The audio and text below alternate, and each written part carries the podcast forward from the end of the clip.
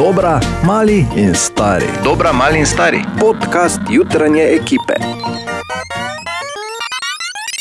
Ja, pozdravljene, podcasterce in podcasteri. Še en teden je mimo, danes, ko nastaja ta posnetek, je pravzaprav Valentinovo.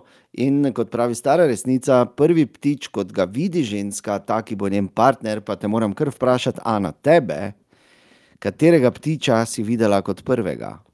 Najprej bi te popravila, ker je danes Gregorjevo, ne A, kaj sem pa rekel? Valentinovo. Valentinovo. Ah, cool. Uh, ni še, nisem še videla ptiča danes. nisi še videla ptiča? Ne. Ha, Bom, torej, le da ne bi bil kak droben vrabček, če me razumeš. bom kmalo pogledala ven. Okay, ampak se upravičujem za eh, seveda, to napako, jasno, Gregorjevo, ne Valentinovo. To pač jutranje, zgodnje vstajanje to naredi človeku.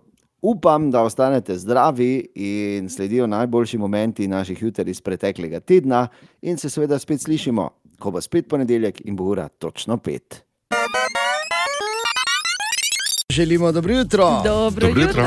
jutro. Dobro jutro, danes je ponedeljek, 8. marec, dan vseh žensk in zato moram kar takoj najprej, drage matere, dekleta, žene, prijateljice, sestre, sestrične, svakinje, dvojčice, prijateljice, znanke. Danes, ko je dan žensk, vam ne bom čestital, kaj ti, če vam čestitam, priznam, da potrebujem opomnik za to, da vam povemo, kako čudovite, enkratne, fenomenalne in nezamenljive ste prav vsak dan. Joj. Razen, ko imate PMS, ampak to zdržimo. Pa dobro jutro. Kviz brez Google. Oh -oh. Pa da slišimo, če kaj znamo, brez Google, ker vemo, v studiu ena je to bolj Nemogoče. um, porazno. Porazno. Tomaš. Danes sta z mano, Jani Zeršek, Jani in Melani Petrč. Jani in Melani, ne sem prav povedal. Ne? Ok, gremo. Najlažje vprašanje za 10 evrov, s katerim športom se ukvarja Jan Mlakar. futbal, Fuzbal, bravo, tako, ja, pri enka Maribor, evo, že imata 10 evrov, gremo malo težje, za 20, mogoče bo vama lažje, ne? S katerim športom se ukvarja Ema Klinec? zdaj pa si ti na vrsti. No, ne vem. Lepo si je. Ema Klinec, to je zdaj zelo, zelo aktualno. Ogromno medalj. Smučar, smučarski skoki. Bravo, smučarski skoki, super, evo že imata 20 evrov, gremo še teže ali pa lažje, bomo videli za 30 evrov, če bi se spomnila, s katerim športom se je ukvarjala Andreja Grašič, danes Andreja Koblar, se danes piše, takrat pa Grašič. No, zdaj pa si res ti na vrsti. Jaz res ne vem. Ne bi vedeli? Kaj še namig? Je tudi zimski šport. Andreja Grašič. Je na smučkah, ja. Biatlon. Biatlon, tako, odlično. Evo, 30 evrov, viš, to je ta sreča. Zdaj, Ja, ja. ne vem, koliko športov ne moreš zgrešiti. Ne? Ok, 30, živata in najtežje vprašanje, zdaj pa je res. Zdaj pa je res za vas, gospod. Ja, danes je ena ista tema. S katerim športom se še danes ukvarja Teja Belak ali pa Belak? Ne vem zdaj točno, kako se izgovori. Tudi uh, zimski Surfer. šport. Niti slučajno. In pri najtežjem ni namigov, čeprav sem ti zadnjega dal. Plavanje. Zdaj lahko ogibate, ne zgubiti ne morete, zdaj lahko nekaj poskusite. Bom se kar zanesla na presojo kolega. Na plavanje. Imamo glas publike ali pa polovičko. Ja, tu zraven, ne, samo, no, ne noče ti nekaj pomagati. Ne. Uh, pre, reč plavanje, ja, v redu. Plavanje, Zadnji odgovor. zadnji odgovor, ok. Ni plavanje, nažalost, eh, 30 evrov sta vseeno osvojila, eh, Teja Belak oziroma Belak, ne vem pa se ukvarja z gimnastiko oziroma telovatka. Je, A, ona to, naša. to, to sem hotel reči. Telovatka. Ja, ja, ja. Evo, zdaj pa To vemo. ali pa plavanje, sej. Tu nekaj, tam, ne? tam, ja. ker je podobno, ne? z rokami mahajo. Okay, hvala vama, 30 evrov vajnih, pa lep dan še naprej. Tudi vama, srečno. Adijo. Res je podobno gimnastika, pa plavanje, z rokami mahajo. Je pa res, Tomaš, se ti moram zahvaliti, da bi ti videl, kako se je Boru milo storilo, ker se je spomnil, kak je, ko je bil v mladi, ko je bil v šoli, v mladih letih, ko je hodil k ritmiki. Kviz brez Google. Oh -oh. Želimo dobro jutro. Dobro jutro. Ja, kak smo, kaj no povejmo? Ja, dobro. Štima vse? Ja, Čakaj. valjda. To rad slišim. To je past, sigurno sprašuje, ne nas. Ne, tokrat sem vas vprašal. V bistvu sem bolj vprašal Ano in Katijo, glede na to, da je danes 8. marec. Ne? Ja. Ja, tako da lepo. Kako se imamo pa lepo. Lepo, danes. lepo. Bi pa samo povedal eno stvar, da to je, to je novica, ko me je skoraj sezulo po dolgem času, po več kot leto dni, namreč berem novico o tem, da bo dejansko en pop koncert pred, uh, pred občinstvom in sicer v Barceloni, uh, sicer bo jih samo 5000 v dvorani, ki sprejme 20 tisoč, ampak vseeno, koncert je razprodan 27. marca in sicer bo nastopil indie pop band uh, Love of Lesbian. In pol sem prebral, sem si mislil, ja, to te pa verjetno bi imele razprodano tudi izven korone v Mariboru. Ne? Še enkrat, dobro jutro. Dobro jutro. In čeprav sem že na vse zgodaj povedal, uh, kako uh, absolutno ne mislim danes kaj veliko čestitati za 8. marec, ker če čestitaš, pol priznaš, da rabiš razlog, da te spomni, kak so naše dame vrhunske. To se mi zdi, ne? ampak vseeno, uh, vse ne mislijo enako, zato vsem, ki imajo rade, da se jim čestita, čestitamo. Res, ob 8. Dnevu, 8. marcu, dnevu vseh žensk, eh, ko sem dal jaz naši Sari eno zanimivo nalogo, sem rekel, Sara, da je prosim za ponedeljek zjutraj mi preveri, katere ženske pa so zaznamovale Maribor. Sara, dobro jutro. Dobro jutro. Če Dobro jutro. začnemo v našem studiu, sta to Ana in Katja, maham in voščim, tudi mojci cvetki, Natali, Naj, Amadej in res vsaki občanki posebej, ker sem prepričana, da dajo vsaka mestu svoj vrsten pečat. No, če se ozremo skozi zgodovino, pa so bile ženske aktivne na več področjih. Imamo eno boljših zdravnic, uspešne igralke, tudi preširnovo nagrajenko. Oskar Habjanič, kustus pokrajinskega muzeja Maribor, začenja s plastično kirurginjo svetovnega renomeja Zoro Janžekovič. Rodila se je v Slovenski Bistrici, na to pa celo življenje delovala v današnjem Mariborskem UKC-ju. K njej so hodili praktično vse učiti iz celega sveta, imela je kar 237 kirurgov iz uh, širnega uh, sveta, ki so se uh, učili pri njej. Uh, je tudi uvrščena med 25 najvplivnejših uh, zdravnikov 20. stoletja. Operno pot je v Mariboru denimo začela Amalija Joakih, ki je na to v sredini 19. stoletja zablestela v Berlinu, kjer je imela samostojno pevsko šolo, no ne moremo pa niti mimo Marije Majster, majstrove soproge. Marija je bila predvsem neotrudna delavka za a, ženske pravice. Pomagala je uh, majstru pri samih pogovorih z andantnimi silami, ki jih je imel leta 1918. Bila je predsednica francoskega krožka, tudi francoska vlada ji je podelila potem tudi odlikovanje za zasluge. Zinka Zorko, jezikoslovka, je prejela Cojzovo nagrado za življensko delo. Preširnova nagrada je šla leta 1960 v roke Mileve za krajšek. Ja, pa ne smemo pozabiti tudi ne na Melito Ferleš, prvo šefico Henkla, pa recimo županjo Magdaleno Tovornik. Pa Katijo Koren, prvo mariborsko dobitnico olimpijske medalje, Liziko Jančar, Danico Vogrinec, tudi Antonijo Vajs, sicer zadnjo zaposleno čuvajko na stolpu, ki je službo opravljala do leta 1933. Skratka, ženske v Mariboru so in še pišejo pomembne zgodbe. Tja, pa ne samo v Mariboru, pravzaprav povsod, ker če so žal zgodovino na nek način pisali in obvladovali moški, vse, kar smo pokazali do zdaj, je, da znamo res kvalitetno vse zasrati, na čelo z okoljem in ostalimi stvarmi. Tako da jaz upam, da bodo kmalo malo resneje poprijele in dobile priložnost. Tudi dame, ker se mi zdi, da kaj drugega kot feminilna energija več ne more rešiti tega planeta. Jaz bom, uh, Ana, izreži, prosim. Za vsak primer. ne. Veš, kaj, ja, zdaj ste ravno še Razen- Zelo slabo, da to prišparamo, veš. Absolutno, ampak razen, ko imate PMS, ampak na srečo nimate vse naenkrat, tako da bomo No, zvozili. P- PMS, da. Veš, da, veš, da imamo nov izraz za to, retrogradni Merkur. No, ok, pardon. Samo res, ja. Z antantnimi silami v Jupitru. Ne?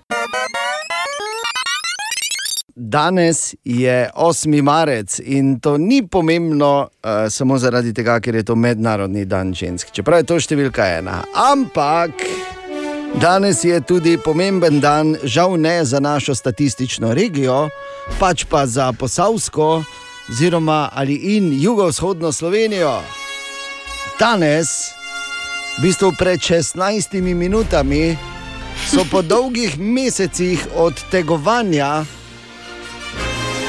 lahko gostinci ponovno pripustili k zunanjim napajalnikom.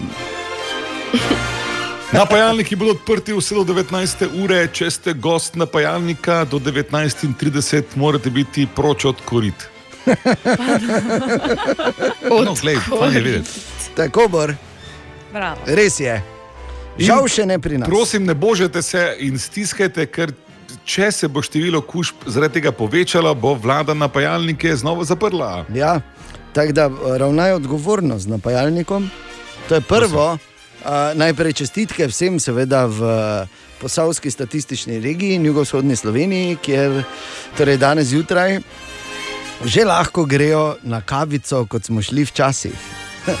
In ko lahko mi tu samo še sanjamo in pijemo iz teh eh, plastičnih lončkov.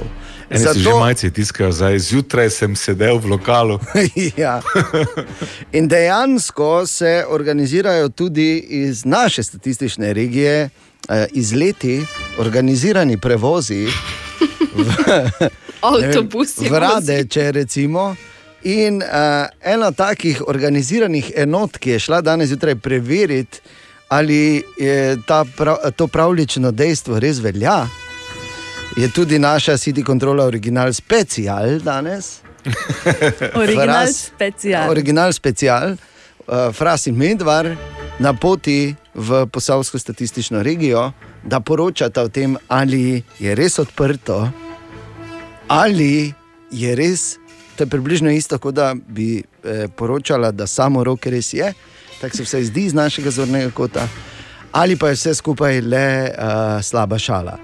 Podrobneje, direktno iz terena, City Controla, original special. O, Tine! Ja, dobro jutro, Tine. Ja, Dobro dobro jutro. jutro. Je šel Dobro vikend. jutro. Je šel vikend. Kak je vikend? Ja, to ti pravim. Točno to. Kaj je to vikend? Uf, Kaj naredi. je to rekel vikend? Ja, tako. Ja, zdaj še, ok, Katja, še ti. No. Ne bom. Bor, mogoče. Katja, A, kaj v? Ljubljani sem bil čez vikend, ne spominjam. Okay. Torej, Kaj te Boris tako ne ve, ker je dan je, če pa tako je. haha, vse je isto. Razen da je šel v Ljubljano. To pa bila bila tudi sreda. Naj samo morda kot Glej, tako ti bom rekel, no, po, po, po desetih letih mi gremo ven v življenje kot družina. Prvič, ker se pač zdaj ne, počasi je res dovolj varno in to. In kam gremo? V Ljubljano. Kaj zdaj smo se kar levom vrgli, veš kaj mislim? Naj samo povem ena, ena, samo ena zanimivost, ko mi je nekaj hotel povedati, pa je rekel tam pred magistratom. Pa sem rekel pred magistratom, pa je rekel, no, Tam pač tam, kjer je župan doma. Se je kaj miš občino? Ja, to. Ja, tam stanuje že kar nekaj let. Ja, res je. Okay. Je prav doma. Se, Ja. ne. Okay. Pravi dan bi bil kak perilo sušil. Obleša. Ok, Tine, kaj imamo danes za eno zanimivost? Torej, naslednjič, ko boste poker igrali, pa upali, da boste Royal Flash dobili. Ja. Flash, vemo- flash. Flash, pardon. E, to vemo, kaj je to od asa do.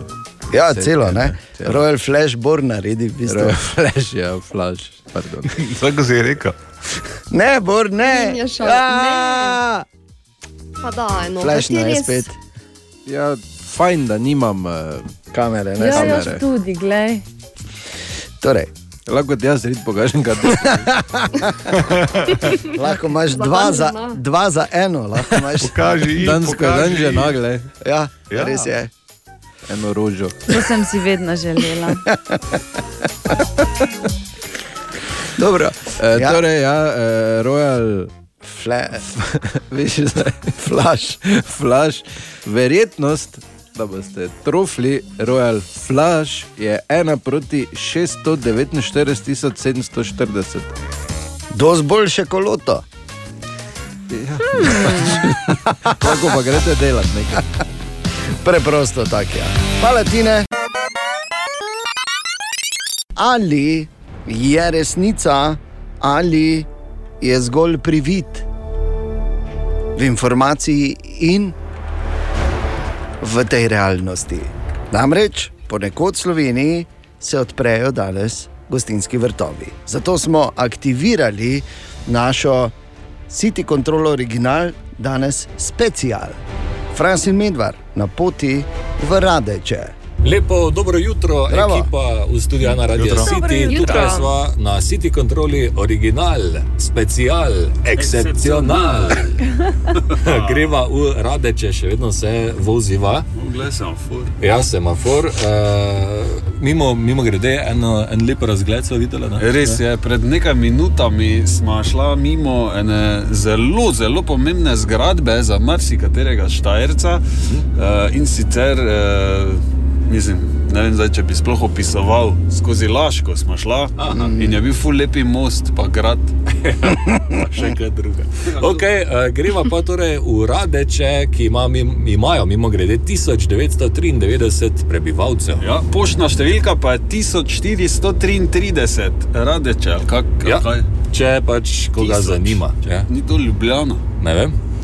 Uh, mimo grede, malo sva vseeno preverila. Ne?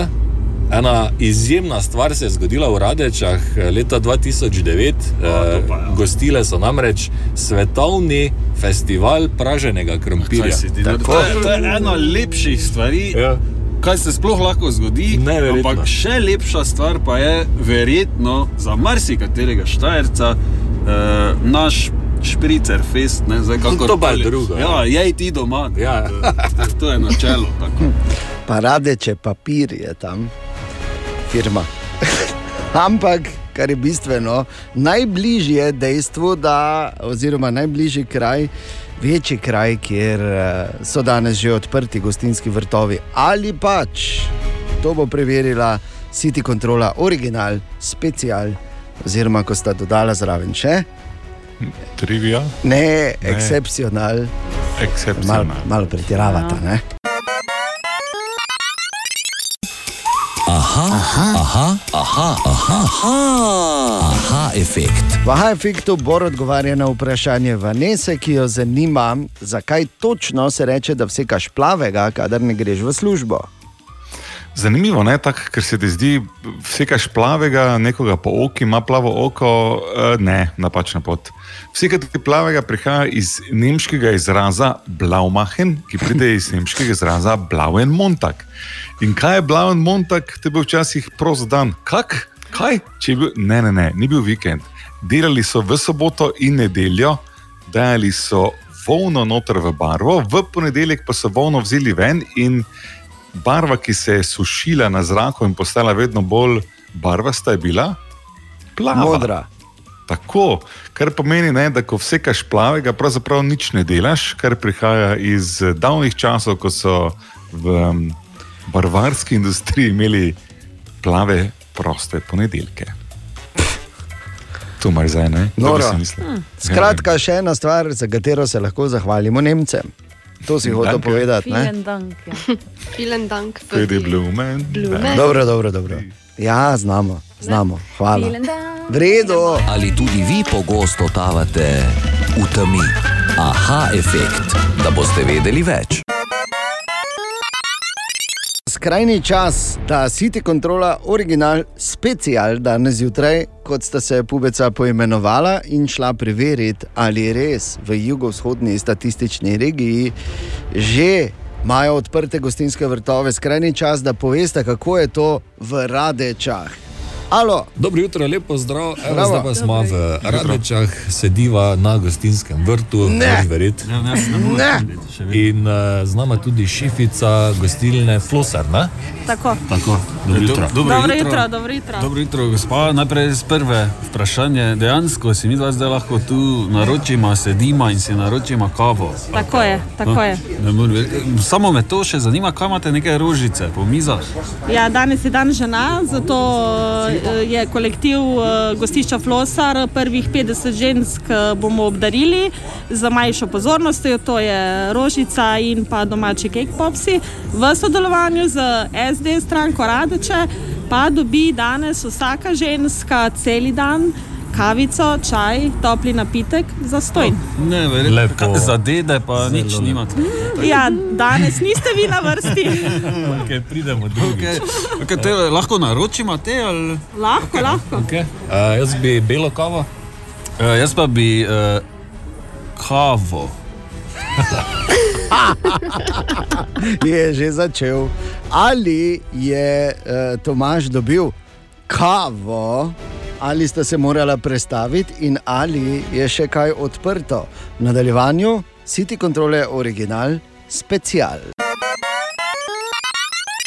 Želimo dobro jutro. Dobro jutro. Dobro jutro. Opozorilo vsem, če še morda predvsem moškim, če še niste zaobjeli realnosti in gravitacije situacije, 8. marec je.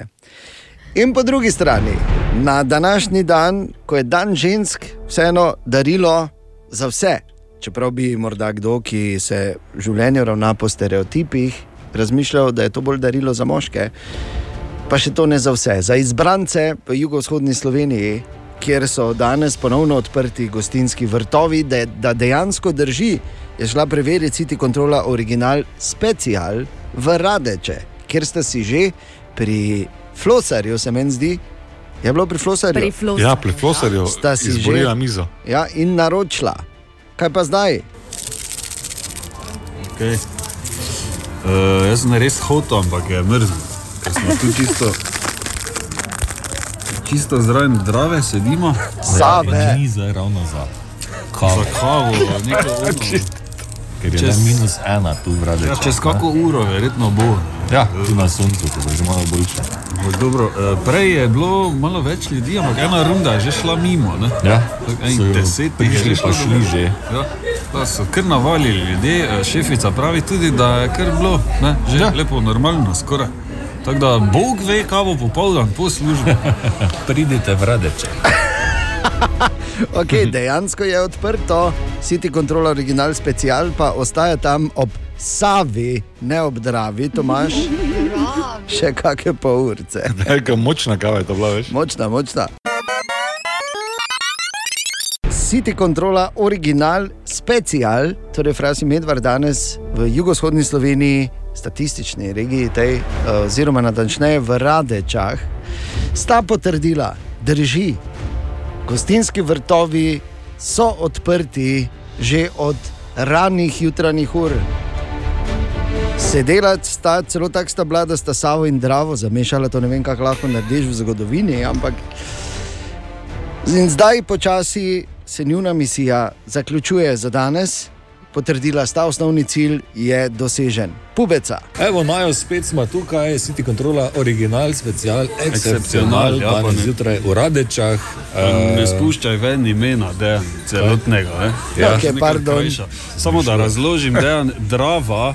Ne pomeni, da drava tu teče, ampak drava je samo ime za reko. Tako da tudi če greš v New York, boš rekel, vrži v Dravo, tja, ali kaj ne. Ali pa Okej. ne vem, na Dunaju, vrži v pazi Dravo. ne. Okay, torej mi dva sva spila svoj kafe, sva šla malo okoli po vrtu, ki je uh, velik, in prišla do uh, ene mize, malo da Do vprašamo. gospoda, ne, gospod, dober dan. Pozdravljeni. Gospod, samo vi povete za meni, kako fajn se zdaj vsest na kavici zunaj. Ste pogrešali, recimo. Zelo, tole je ekstra občutek, da sem dobil prijatelja po dolgem času, zunaj sonček je, kavica, kot ti nekdo drug postreže. Ja. Kaj češ boljšega? Včasih se nismo zavedali tega, danes je bilo nekaj vredno. In zdaj bomo cenili to, Cenili bomo. da pa vse na takare, pa vse ne, gostince, stokrat bolj kot včasih. Uh, me pa še samo zanima, glede na to, da je zdaj jutro, pa hladno je pa to, ne, ali se boste vrnili nazaj tudi popoldne, ne? ko pa te ne, zdaj Bom, bom, danes je tak dan, da bo treba še ženo po službi pripeljati. Ko bi bilo grdo, če bi pozabil. to, točno to, ja, imate prav. Hvala lepa, gospod. Prosim. Pa uživajte Uživajte. Enako srečno. Ja, ja, gremo vidva, mogoče bomo še eno rundo, ne vem, bomo videla. Treba še samo povdariti, da smo v gostilni Flosar tudi dobila zastojn kavico. Ja. Tako da prvi, prvi kafe po sto letih, pa, Pa še to to so časi. Zakaj smo kavo naročili? ja, to. To je najmanj, kar lahko dobita, glede na to, da sta se tako daleč peljala. Uh, torej, uh, radeče na samem braniku te uh, statistične regije in praktično prvi taki večji kraj, kjer so. Gostinski vrtovi, odprti, potrjeno strani City Controle, original. Original, excepcional. Ne, najprej je special. Aha, City Olje. Controla, original, special, excepcional. kot sta ona dva dodala. Tako, hvala, pubeca, naj samo povem, uh, vsi si lahko to pojemo, a v radečah lahko to tudi zares misliš. Jan Plestenjak, meni dobro je. Danes je 9. marec, Čez šest. čez šesto, ja. Niso čez šesto, Ja, čez, ja, ne pred. kaj se rekel pred? Ja. Se ne morem, ker sem zmeden, ker je taki dan. Čakaj, samo Ja, še, še enkrat. Danes je ta dan. 9. marec. Monumentalen moment v zgodovini človeštva. Prekratke fanfare imam, čakaj še enkrat. Na današnji dan se je zgodilo, tako pravijo, zapisano je v kamen, le še prekratko. V pohorski tonalit, udarjeno z dinozaurovo močjo, to besedno. Rodil se je Bor Grajner, vse najboljše. Danes slavimo Bora. Vse najboljše, Bor. Vse najboljše. Kam tako veselo pri teh letih? Še enkrat želimo dobro jutro. Dobro, Dobro jutro. Torek, 9. marec. Čas, da spregovori, čas za prvi intervju na rojstni dan. Bor Grajner. Kak je Bor? No? Slabo. Zakaj? Ni lepo. Se napraviti. ne bi mogel nehati praznovati pri Ja. 35. Recimo.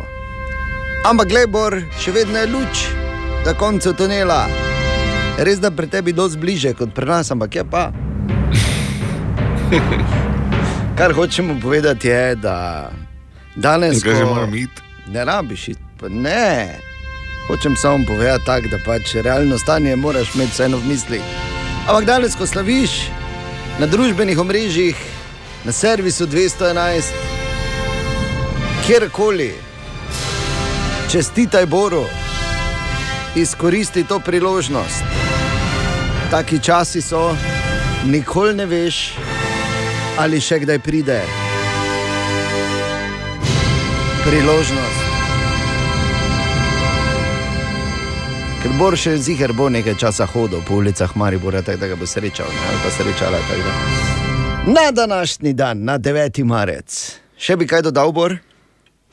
Gremo naprej hitro, prosim. To veš, da je slabo, ne? če se tako Ja, braniš. No, v vsakem primeru res. Uh, danes nabiramo čestitke, kot smo rekli, kot bi nabirali marjetice na travniku polnem svežega travniškega cvetja. Pa dobro jutro in vse najboljše. Dobro jutro. Vse najboljše. Danes je 9. marec, oziroma Borovo, dobro jutro, vse najboljše. Dobro jutro. Dobro jutro. Vse najboljše. Tako. Mm. Web, web, web, webček. In to je zagotovo tudi prva novica v webčeku povsod. Vsi svetovni portali so zagotovo polni člankov, fotografij, videoposnetkov in čestitk namenjenih Boru. Ne? Seveda. To je prvo. To je prvo, potem pa gremo naprej. Tako. Torej, Mackenzie Scott, eh, bivša žena Jeffa Bezosa, se je ponovno poročila in sicer z učiteljem kemije, ki Ja. leto poučuje na srednji šoli, ki jo obiskujejo otroci iz njunega prvega zakona, oziroma njenega prvega zakona, torej tega s Jeffom.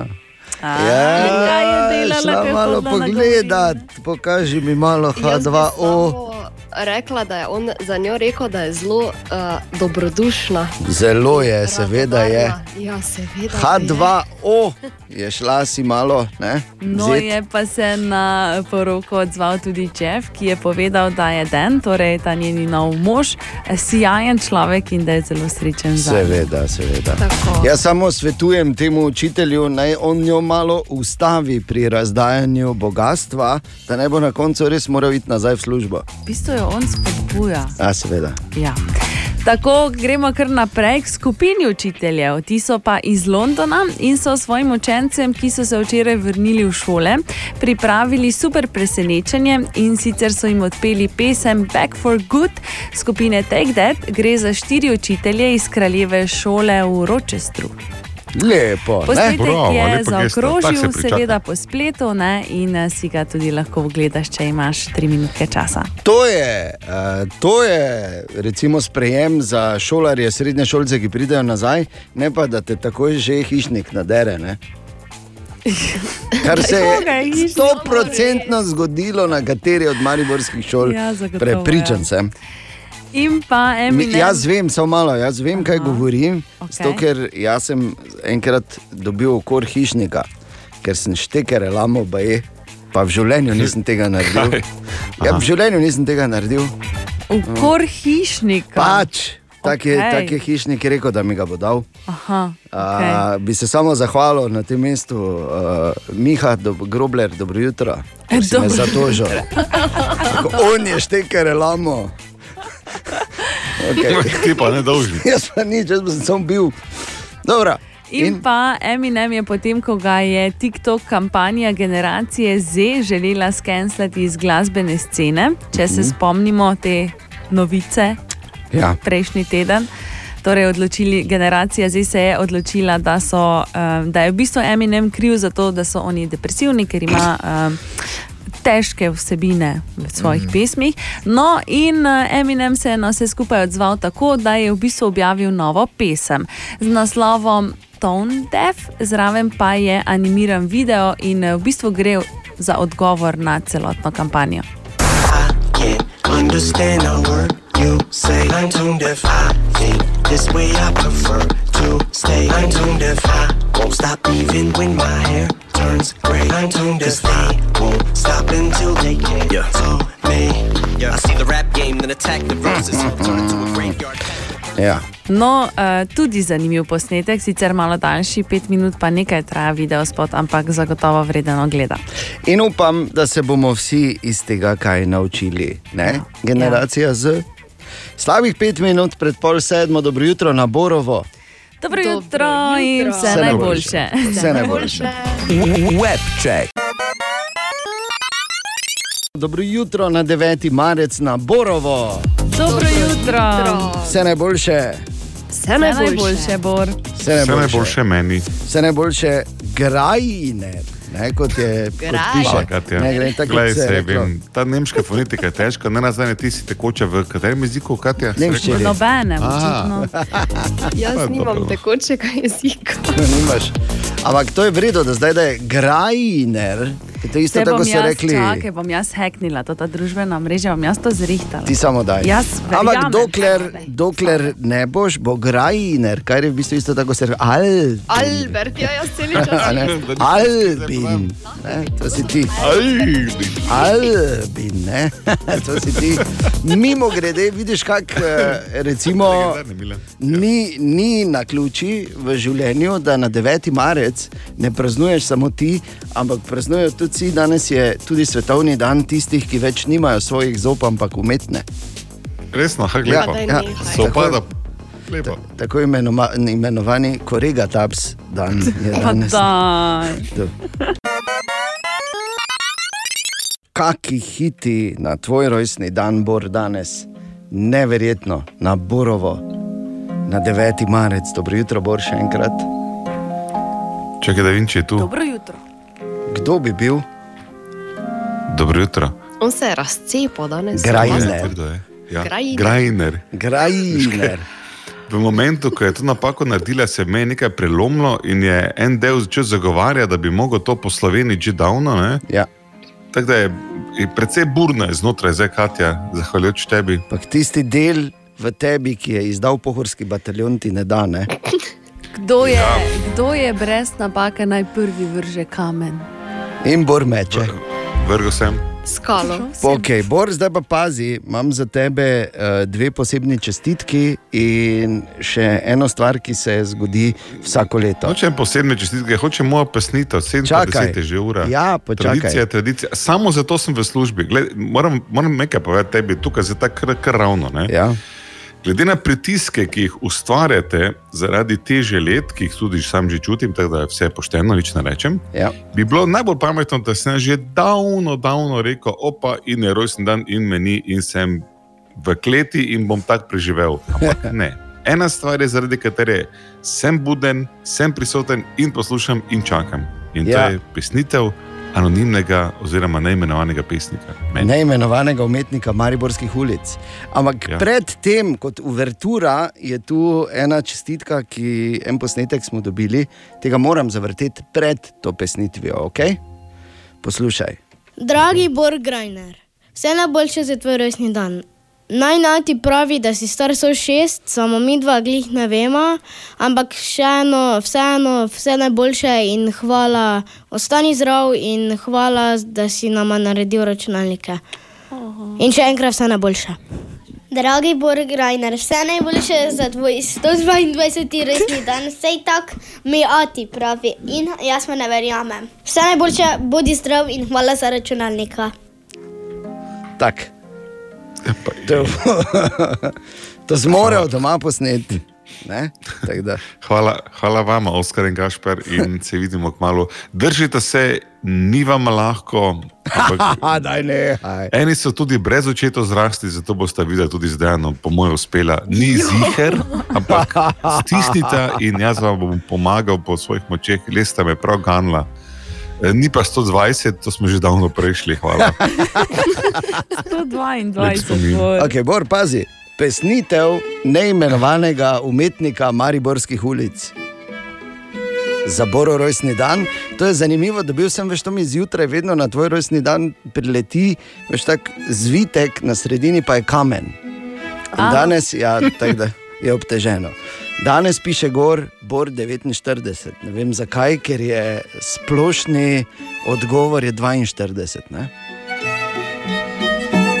Torej, lomi se kamen, poka material, proti površju sili lava, ti pa samo mirno. Tudi če vse propade, veš, da za starostnike tako ali tako poskrbi država.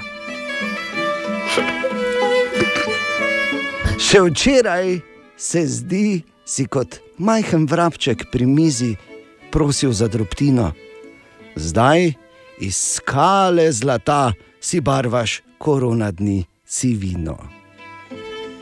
Ve se, da si dosegel marsikaj, malo manj pa da za župana delaš na skrivaj.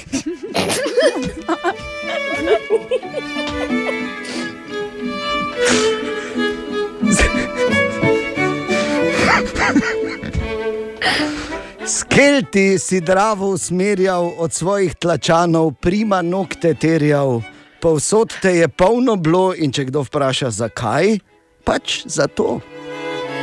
Le v miru uživaj še teh par dni in pazi, da te ne zanese, ker kljub vsej moderni tehnologiji umetni kolk samo toliko prenese. Bravo. Da ga srečam enkrat, da Da mu daš roko, ne. mariborskega umetnika, pa kušen ga Ja, res. res je, res, kak je kak, lepe. kak talentiran človek je pa No, to to bolano. naj samo povem, uh, pa je šlo naše malo presenečenje in to drobno darilce za Bora, ki smo ga danes zjutraj, ko je škratek celo prišel mimo in napisal na mesto Grajner, Grajner ne, na družbenih omrežjih, pa je šlo. Hekerca Katja je uspela to spremeniti in ohranila na tisoče čestitk, ki so že spodaj pod objavo. Tako, ker, dragi moj škratek, ne danes, pa ne mene. Res je, to spet, jaz nisem. O, si slišal ti to, Bor? Ne danes in ne mene, ok? Tako zveni emancipacija, če še kdo ni vedel. Na Borovo, na 9. marec, 16 minut čez 7, čestitaj Boru, izkoristi priložnost na družbenih omrežjih in na vseh naših naslovih. Danes je 9. marec, oziroma Borovo, kot uh, temu rečemo, danes slavi velikan ne le uh, medijev, medijski vulkan, kot smo ga pred časom imenovali, ampak tudi našega mesta in širše regije. In čestitate. Dobro jutro, Max tu. Boro vse najboljše za rojstni dan, da ga poslušam do penzije moje in še do njegove. Prepozno. Ker Bor vleče v penzijo, no že leta. In pa na družbenih omrežjih je kar nekaj čestitk, ne Katja? Ja, res jih je veliko. Tako je recimo Nataša napisala vse najboljše Bor in naše naslednjih 275 let. Tako. Potem imamo eno luškano sliko prilepljeno med komentarji in sicer Bor z eno majhno punčko, ki v rokah drži lisičko. In uh, piše Jasmina, lisičke so zrasle, ti si dobil nekaj let, a pa jesi še vedno faca. Vse najboljše ti želijo, oziroma ti želimo. O, Hvala lepa. Lisičke. Jan je napisal, Bor, vse najboljše za 76. rojstni dan, medtem ko je potem Robert napisal vse najboljše mladenič. Jan in Robert. Ja. Lepo, ali... Jaz, seveda. To je pač samo hiter eh, pregled eh, teh eh, zapisov na družbenih omrežjih. Nekaj je še kakšen zanimiv, še kakšne lisičke, morda srnice, Danilo, Danilo. ti želi vse najboljše. Bravo, Danilo. Tvoj sotrpin iz Uh. vojske Sergej Vogrin. Ti tudi Sergej. želi vse najboljše. Se spomniš Sergeja? Ne, ne, se, se mi je zdelo. Pa mislim, da se. Samo ne bi rad tvegal, ne, ker pa zdaj da rečem, kjer je bil, tam pa bom rekel na robe, pa bo, to dva užaljena. Ne? Ja, res je. rečem, raje, sam Sergej, kako smo se pa vstajali. Pa te Pa, pa še forma, ena, ne, mimo te ne moremo iti, ne, ker tukaj smo pohvaljeni tudi ostali. Res. Romana in Saša sta napisala, Bor, vse najboljše, uživaj še na mnoga leta s svojo družinico, prijatelji in norimi sodelavci. To je vajo, Ja, dve kar, bom rekel, da je kar natančno pisano. to, je, to je mislo vajo. vajo. Ja, ja, seveda. Um, je pa eh, seveda pri vsem tem še ena stvar, ki smo jo pozabili povedati za vse oboževalce in častilce, da uh, se organizira tudi pozicija za polaganje cvetja in drobnih pozornosti pred uh, vrati v nebesa na Slovenski ulici, malo naprej od uh, Vijolčne bajte levo. Tako. Sprejemamo pa tudi vse na Radio City. Jasno, seveda, ampak Ne. tam je uradno. Ne? O, Tine! Tine, dobro jutro. Kaj ti? Dobro jutro, Tine. Na Borovo. Dobro Ja, pa jutro. Na Borovo, kot se reče. Ja, pa dobro Ja. ja. jutro. Dobro jutro, Tine. Kak je? Si prej? boljše kot ti. Ja, vem, ja. Čeprav, če sem jaz pri, pri tvojih letih tako kot ti, vitalen, res je. Te se zdaj ubijem, ne, že se ne, te, bi- te bom vesel. Dragi grajne, čakaj, da ti še jaz čestitati, zdaj čestitali, te se moram še jaz, ne, verjetno. Tako, se spodobi, res je. Vse najboljše, Bor, bodi zdrav, bodi. Uh, zdaj tako je, nismo vedno na isti. Na Ma, istem smo, na isti bregu. smo. Ne, ne, ne, ne, ne, glej, čakaj, no, glej ga. Ja, To ti pravim. ne, ne strinjamo se vedno z vsem, marsikatero. Uh, pa se vem, da ne jemliš grdo tega, kot jaz rečem. ne, Tak, uh, ko ti pač kaj grdega rečem. Ne? To ti rečem, ker te imam rad. Tako Da, eh, moj en ljubših butlovci. tako Da, vse na, vse To na je, pa, to je pa verjetno eden lepših komplimentov, ki sem od tebe slišal. tako Ki da. bi jih lahko vidiš. dobil. Ne? Ja, res je, res je. Hvala ti ne. Čustva so oboje stranska na, Zdaj- na dlako. Don't push it. Vredo je. Vredo je, ne Na pretirano. dlako. Pa nas se jokat začne. Ker vemo, da se hitro začne jokati. Ja, res. Samo Takoj. res. Pa Čeprav- riti, če ne bi. Mislim, pokaži, daj pokaži rit. Ne, Za rojstni da- dan, Daj, Bor. za rojstni dan. Ja, Za rojstni ker jaz dan. nimam kamere. Oni pa Ja, pa to je daritev, to ni Ni, to je daritev, obredna, ja. obredna daritev. v Obredna bistvu. daritev. Ne, Ni ne danes razpoložen, veš? Ni danes? Ne, ne paše mu. Jaz ga gledam celo jutro in mu ne paše. Mu ne paše. Stara ritmu ne paše. Ja, glis. Dobro. Grajner. No. Da. Ker je danes tvoj dan, lahko reče stop, da ti zbereš eno zanimivost, tu sto tih Dobro, mojih milijardov. dobro, dobro, rekel. Tri, štiri, zdaj. Stop. Uh, če točno v sredi, no, če se stavim. Aha, torej statistično gledano ima vsak človek sedem, eh, kako se reče, gled, jaz, sem, jaz sem gotov, kako se doppelganger reče po naše, dvojnik. Dvojnikov. Sonce, da ti vidim. Statistično gledano ima vsak sedem dvojnikov na svetu. Jaz dva pa Razen Bor. Dve poznam, mislim, dve sem Pa ti veš, da je v Mariboru ti ne eden, ko je, ko je meni absolutno podoben, pa so mi že parkrat nekaj govorili, pa sem jaz bil tak, gledaj, kaj, kaj, kaj vam ni jasno, če si nas sivi, oni pa je temen, še vedno. Prisežem. Samo ljudje ne vejo, da Neki sivi, študent je, ko je meni No. absolutno podoben, pa je tako prav smešno.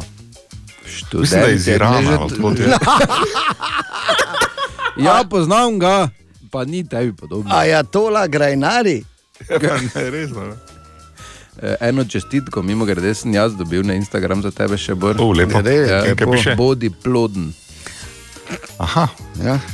No, nekaj malega se je že uresničilo, malo pa za še bo. Ja, ne, kaj bo še bo, da vredo res? tam ti sili so tam Ja, no. starim telesom, se no. Ja. Totalno ne. Se ne bi jaz rodil. Ja, ne, samo otrok, bo prvo mogel vedeti, že tako bo imel starega fotra, zdaj pa kaj. jim- Samo Vredo to je je. hecno, da ima en otrok dedeka in pa pradedeka. Pa daj, daj. ja.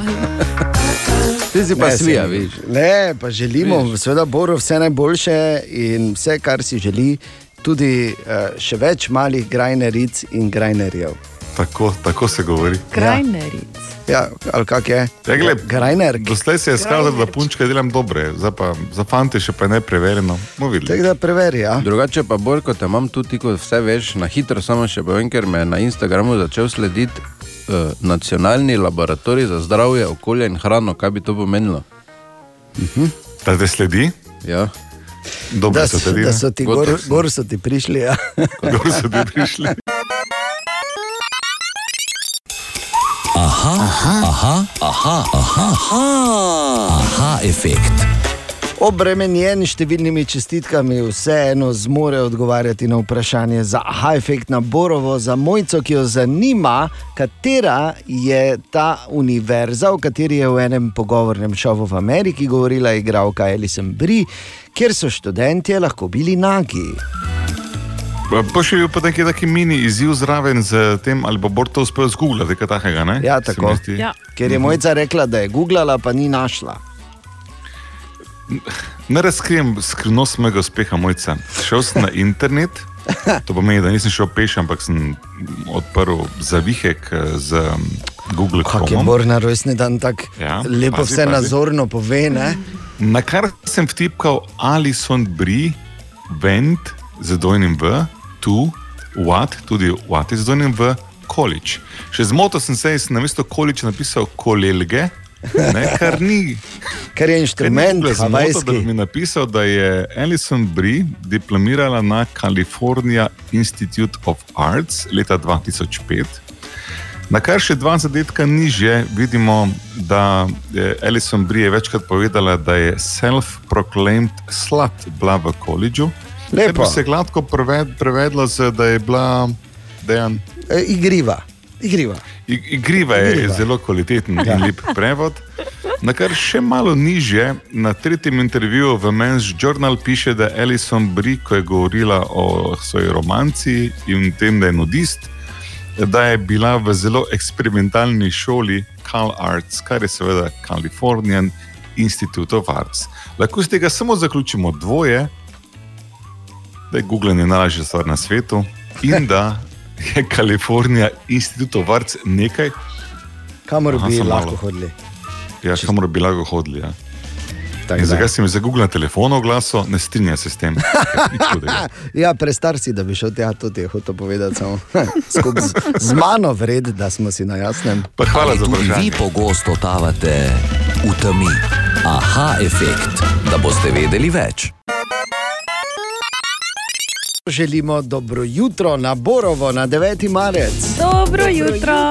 Danes Dobro se jutro. praznuje, danes se slavi in danes zjutraj Bor nas je poklical tudi naš dober prijatelj Marko Slavič, sicer direktor doma Danice Vogrinec, ki je klical v imenu uh, mimike, ki je na vsak način seveda želela in čutila to potrebo, da uh, čestita svojemu sošolcu. Zdravo, Bor. Tvoja sošolka iz doma Danice v Grinec Maribor. Sem se spomnila na tebe, veš, ti če, čestitam ob tvojem rojstnem dnevu. Pa upam, da se bomo kmalo dobili nekje na kakšni obletnici. O moj bog. Ja, no. Poslušaj, Mimika, hvala lepa. Vse dobro, v dom Danice v Grinec, Marko, hvala lepa. Kaj si hotel reči? deepfake ne, je za vas mala beba. Ne? Seveda, kakšen deepfake, to je vse res.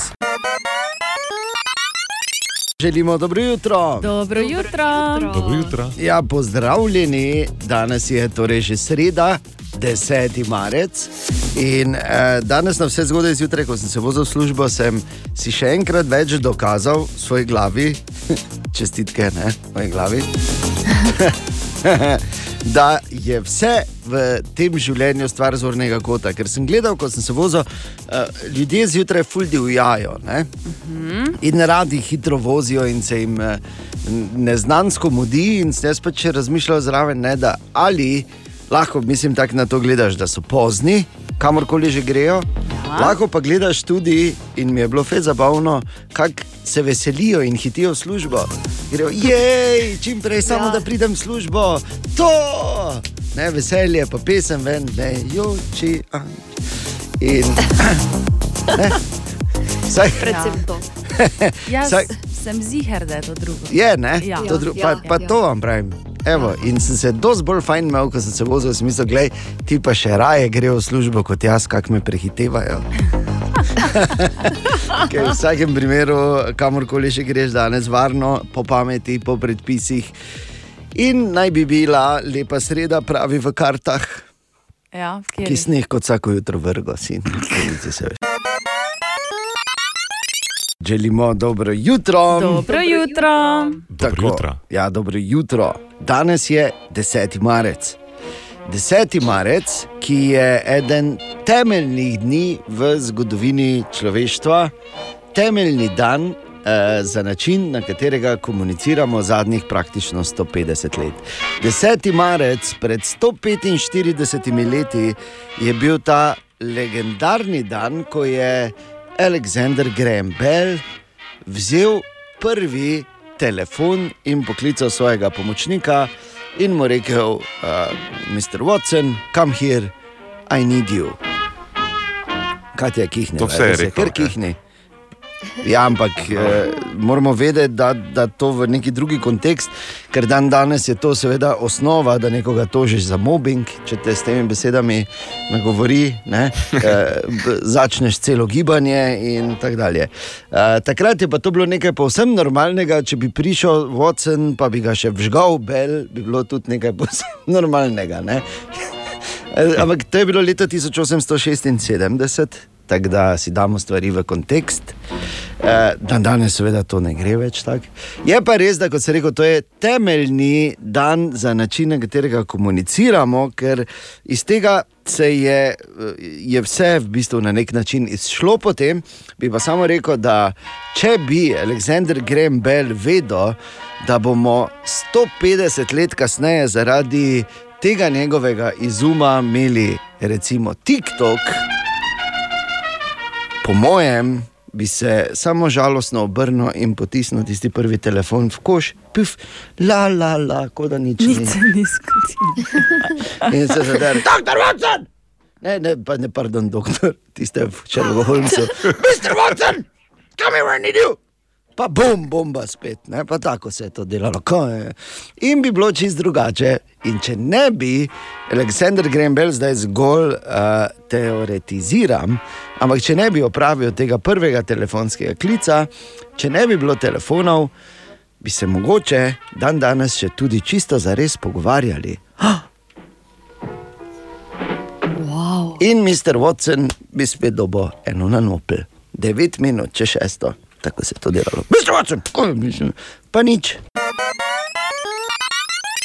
Ne smemo pozabiti eh, eh, torej, eh, lekcij, ki, nam, ki se jih naučimo v življenju praktično vsak dan. Včeraj je zagotovo bila ta, ko smo slavili Borovo, eh, je bila ta lekcija, da enostavno je Bor dokaz, da. A ja, ne, ni, ni to prav, pardon, da je Bor dokaz, da. Angeli živijo. In prosim, če ga tako tudi obravnavate. Okay. Okay. Čisto za res, pa tudi danes zjutraj eh, lahko dobiš eno vijolično marelo Radia City, če odkriješ, koga imamo skritega na naših družbenih omrežjih. Tako. In Katja lahko potrdi danes zjutraj, ko mi je pokazala. Uh, ker sicer bi zdaj marsikdo rekel, ja, te se pa te pogleda na svoj Instagram, zakaj ti mora Katja kazati. Naj povem, ob menjavi telefona se je zgodila velika, uh, veliko nenalaganje aplikacij. In moram reči, da je osvobajajoč občutek, ki ga priporočam mnogim. Da si enostavno ne naložiš več, in pol pač, ne da bi že prej imel probleme, ampak pač pol naenkrat, hop, le, kot nimam, nič mi ne, ha, ha, ha. Imaš tako To je najboljše, svobodno. ja, da imaš telefon, ki zmore vse, a uporabljaš ga pa za nič. Ne? Uporabljam ga zato, za kar ga hočemo uporabljati. In če ga nočemo uporabljati, Mr. Watson! zato ne, je to povsem moja stvar. Sploh pa ti, ko imaš uh, mid-range telefon, se ne rabiš meniti. A, Žalimo se. Torej, ja, seveda. Žalimo se, ja, kdaj se pa te še nismo? Ja, se ja. Res je. Poglej mene in uh, moje obliče, ni to žalitev za vse. Poslušaj, ne, če za res. In ko mi je Katja danes pokazala, kdo je, sem z prve ugotovil, yes! Tako da danes pa res ni tako zahtevno. Poglej, imaš čas, napiši. Uh, kdo misliš, da je, koga misliš, da imamo skritega, in uh, čez dobri dve uri uh, bo Katja žrebala enega, dobesedno enega, kot vedno, in pol bomo šli dalje v to sredo 10. marca. Niti se ne bom več prepirala, ker tudi vse punce, ki sem jim dala dežnik, so me zapustile. Ja, da- nobena te ni mogoče bom, poklicala, pa ne? res, mogoče bom pa res samo moške začela zdaj naprej Pa Če pa žrebati. najboljše. Ja, vse. Od nekdaj, tako v srednji šoli, Katja, ko si še žrebala. 15 Joj. minut, če šesto. Web, web, web, webček. Danes pa v webčeku pretežno stvari povezane z angliškim dvorom, je tako, Katja? Ja, nažalost je res tako. Zakaj pa nažalost? Ja, ker ne govorim rada o tem. Pa kaj češ? Ampak to je moje mnenje, zato za vse ostale, da boste vedeli, kaj se dogaja. Bi samo rekel, da če hočeš res razumeti ali pa vse delno razumeti, serija The Crown. Ja. Priporočam, priporočam, samo da vidiš tudi razvoj starega netopirja iz še mladega, golega letalnega aparata. Ja. Okay. Torej, eh, ne moremo mimo novice o intervjuju, ki sta ga imela Megan in pa Harry z Opra. Tako. Tam je Megan povedala marsikaj, recimo tega, da so člani kraljeve družine bili zaskrbljeni glede barve kože njenega sina Arčija, pa da je trpela za duševnimi težavami, pri katerih jim noben ni pomagal. In sedaj se je na intervju oglasila tudi sama kraljica Elizabeta II., ki je povedala točno tako: citiramo. Celotna družina je žalostna, ko je izvedela, kako zahtevna so bila zadnja leta za Harryja in Meghan. Eh, Problemi, ki so se pojavili, zlasti glede rase, so zaskrbljujoči. Čeprav se nekateri spomini lahko razlikujejo, jih jemljemo zelo resno in jih bo družina obravnavala zasebno. Harry, Meghan in Archie bodo vedno ljubljeni člani družine. Seveda. Zato pa so jih eh, vrgli ven, zato pa jih je ven vrgla, pa jim odtegnila vse uh, prilive. Če sta sama šla, sama sta se odločila. Noben nikoli ne gre sam. To moraš Ne bi vedeti. o spominih preveč. Ne? Okay. in- Intervju, sam intervju torej je dvignil ogromno prahu, seveda med vsemi mediji. Tako se je oglasil tudi televizijski voditelj Piers Morgan, Ja. ki je uh, povedal kar nekaj krepkih na račun Megan in uh, njenega intervjuja. Recimo, med drugim, žal mi je, ne verjame mi niti besede, tudi če bi govorila vremensko prognozo in ne bi verjel.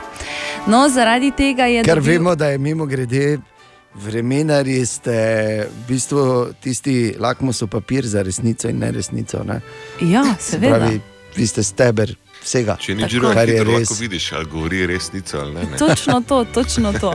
No, zaradi tega je dobil ogromno pritožb in eskaliralo je v bistvu dan kasneje, ko je med samo oddajo sredi pogovora odšel iz studia, eh, saj mu ni bilo všeč, kako je kritiziral njegov sodelavec besede, njegove. In po tem dogodku je potem na Twitterju tudi sporočil, da eh, odhaja iz jutranje oddaje. Grozno, kaj pa zdaj? Zaradi tega. Ja, no, glej, če taki so, ne, veš ti, lojalisti, lojalisti so uh, izjemno, izjemno lojalna ne, sorta.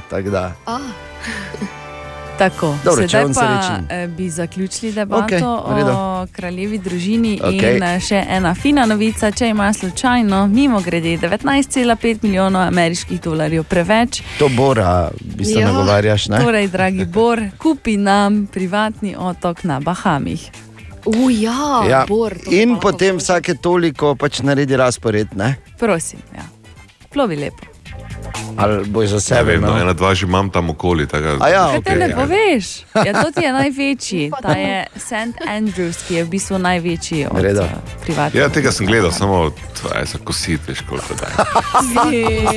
Naj samo povem, da nehajte nagovarjati Bora, pa začnite nekaj delati, pa boste mogoče lahko neko sami avto kupili. Se res ne morem verjeti, pa ta mladina, ne gled. delamo.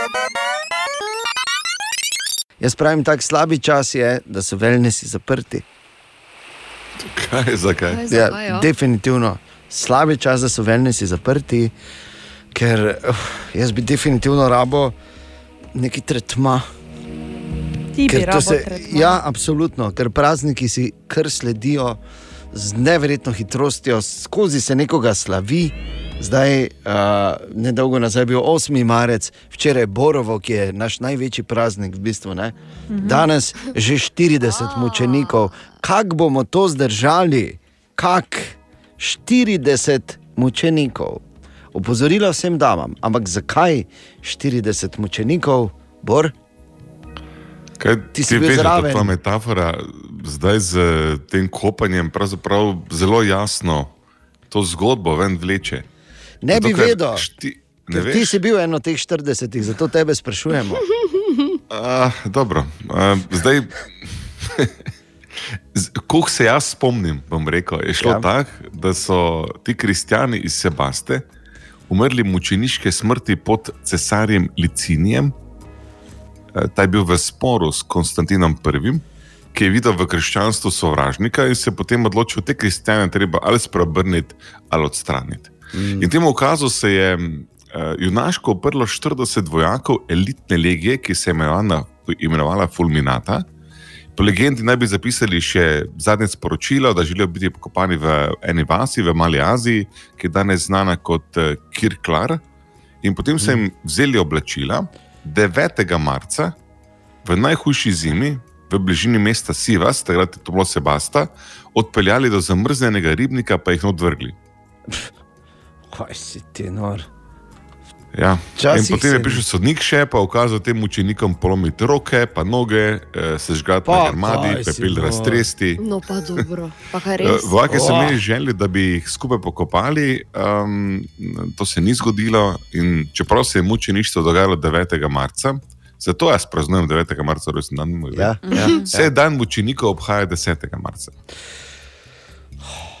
Tradicionalno pa je to uh, praznik moških, na neki način so iz Mm. tega pol to naredili, da bi pozabili na vse te grozote, ki uh, so se dogajale v zgodovini in zakaj se govori o teh 40 mučenikih. Čeprav eh, se opravičujem, moški gor ali dol, nočem praznovati na taki dan, ko se je to zgodilo.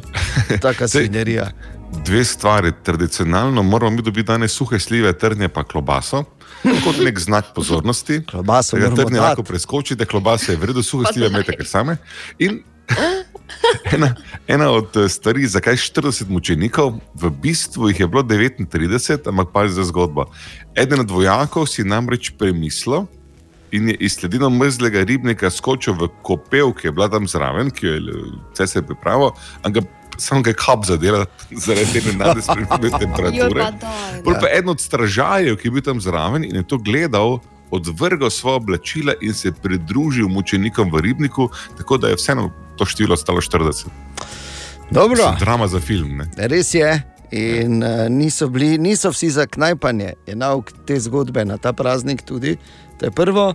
Drugo, Suhe slive imate same. Zdaj, če povzamemo, ne, rabite, ne rabimo nič aj ja, ker to je zdaj sledi iz tega nisi čula? bistveno vprašanje. Bistveno vprašanje, da je 40 mučenikov, čeprav zgolj teoretično, za Ano in Katijo, kaj boste dali danes za darilo? Eno najstarejših, najbolj cenjenih, najbolj zaželenih daril. Ja, To, In da to je to. danes ne bomo oj. To, to, si vi mislite, to si vi mislite, da je to najbolj željeno darilo? Ja, seveda je. Prvo, in ne vem, če nisi razumela, rekel sem, da je zgolj teoretično vprašanje, oziroma retorično. Ker vsi vemo, kaj se da za 40 mučenikov. Tako da ne Ja, pozabi. ja. 20 Oh. minut, tako slivo. 20 minut No, meni pred človek sedmo. reče klobasa. Klobase tudi. Daj mir, Borno. Dobro jutro. Dobro jutro. Dobro jutro. Dobro jutro in le nekaj mesecev po vselitvi morata žal oba prva psa uh, iz Bele hiše iti v svoje prejšnje domovanje. Razlog, en je vgrizno varnostnika. Varnost. Ja, ja, ja, Dobro, enega niti poštar ni bil več, kam Ja, ja, to pa je to. malo strogo. Ne? In ne samo to, poglej zdaj ti to dvoličnost oziroma nekonsistentnost v uh, ameriški beli hiši. Da ne bom kazal na očitno samo koga so imeli štiri leta tam not, pa je dosti hujše stvari naredil. Bogi runo, pa vgrizne enega, ki si je tako verjetno zaslužil, ker mu je kaj kazal ali pa kaj, pa mora biti deportiran. Ja. Toliko o tem. Kdo smrči, jaz ne, to je običajno odgovor na to vprašanje. Aha. To sem jaz mislil, dok me ni posnela. Pa smo ja. pa tako, no, zdaj pa to te posnetke z YouTube, pa tudi ni treba pretvarjati. ne. Ja, ja. Pa to je Tako. samo glasno dihanje, pa to Ja, ni nič takega. To, kvali- to je kvalitetno spanje, pa take, taki izgovori, kvalitetni izgovori. Okay. Dobro, vidim, da nosi vsak veliko frustracij povezanih s tem v naši jutrajni ekipi. O, ja. Okay. In zdaj eh, obstaja ena od rešitev, in sicer je ta, da se eh, kupi lahko en taki mali gadget, taki mali bazer. In eh, eh, ko zraven tebe smrči, ti to stisneš, njega malo spajtla, on se obrne in si vsaj za 15-20 minut mirna. Kako humano, lepo ga pajtlaš po noči. Ne? Ja, Ja, lepo, ne? Da ne bi to kira kupila. obstaja. Uh, in uh, to je recimo ena od opcij, ampak ko sem jaz to bral, o tem pa gledal, v bistvu kako to zgleda, si v bistvu, eh, to ima moja žena prirojeno to napravico, samo ona je pač reče komolec. Dobro jutro. Dobro jutro. Evo, še malo pa bo ura 8.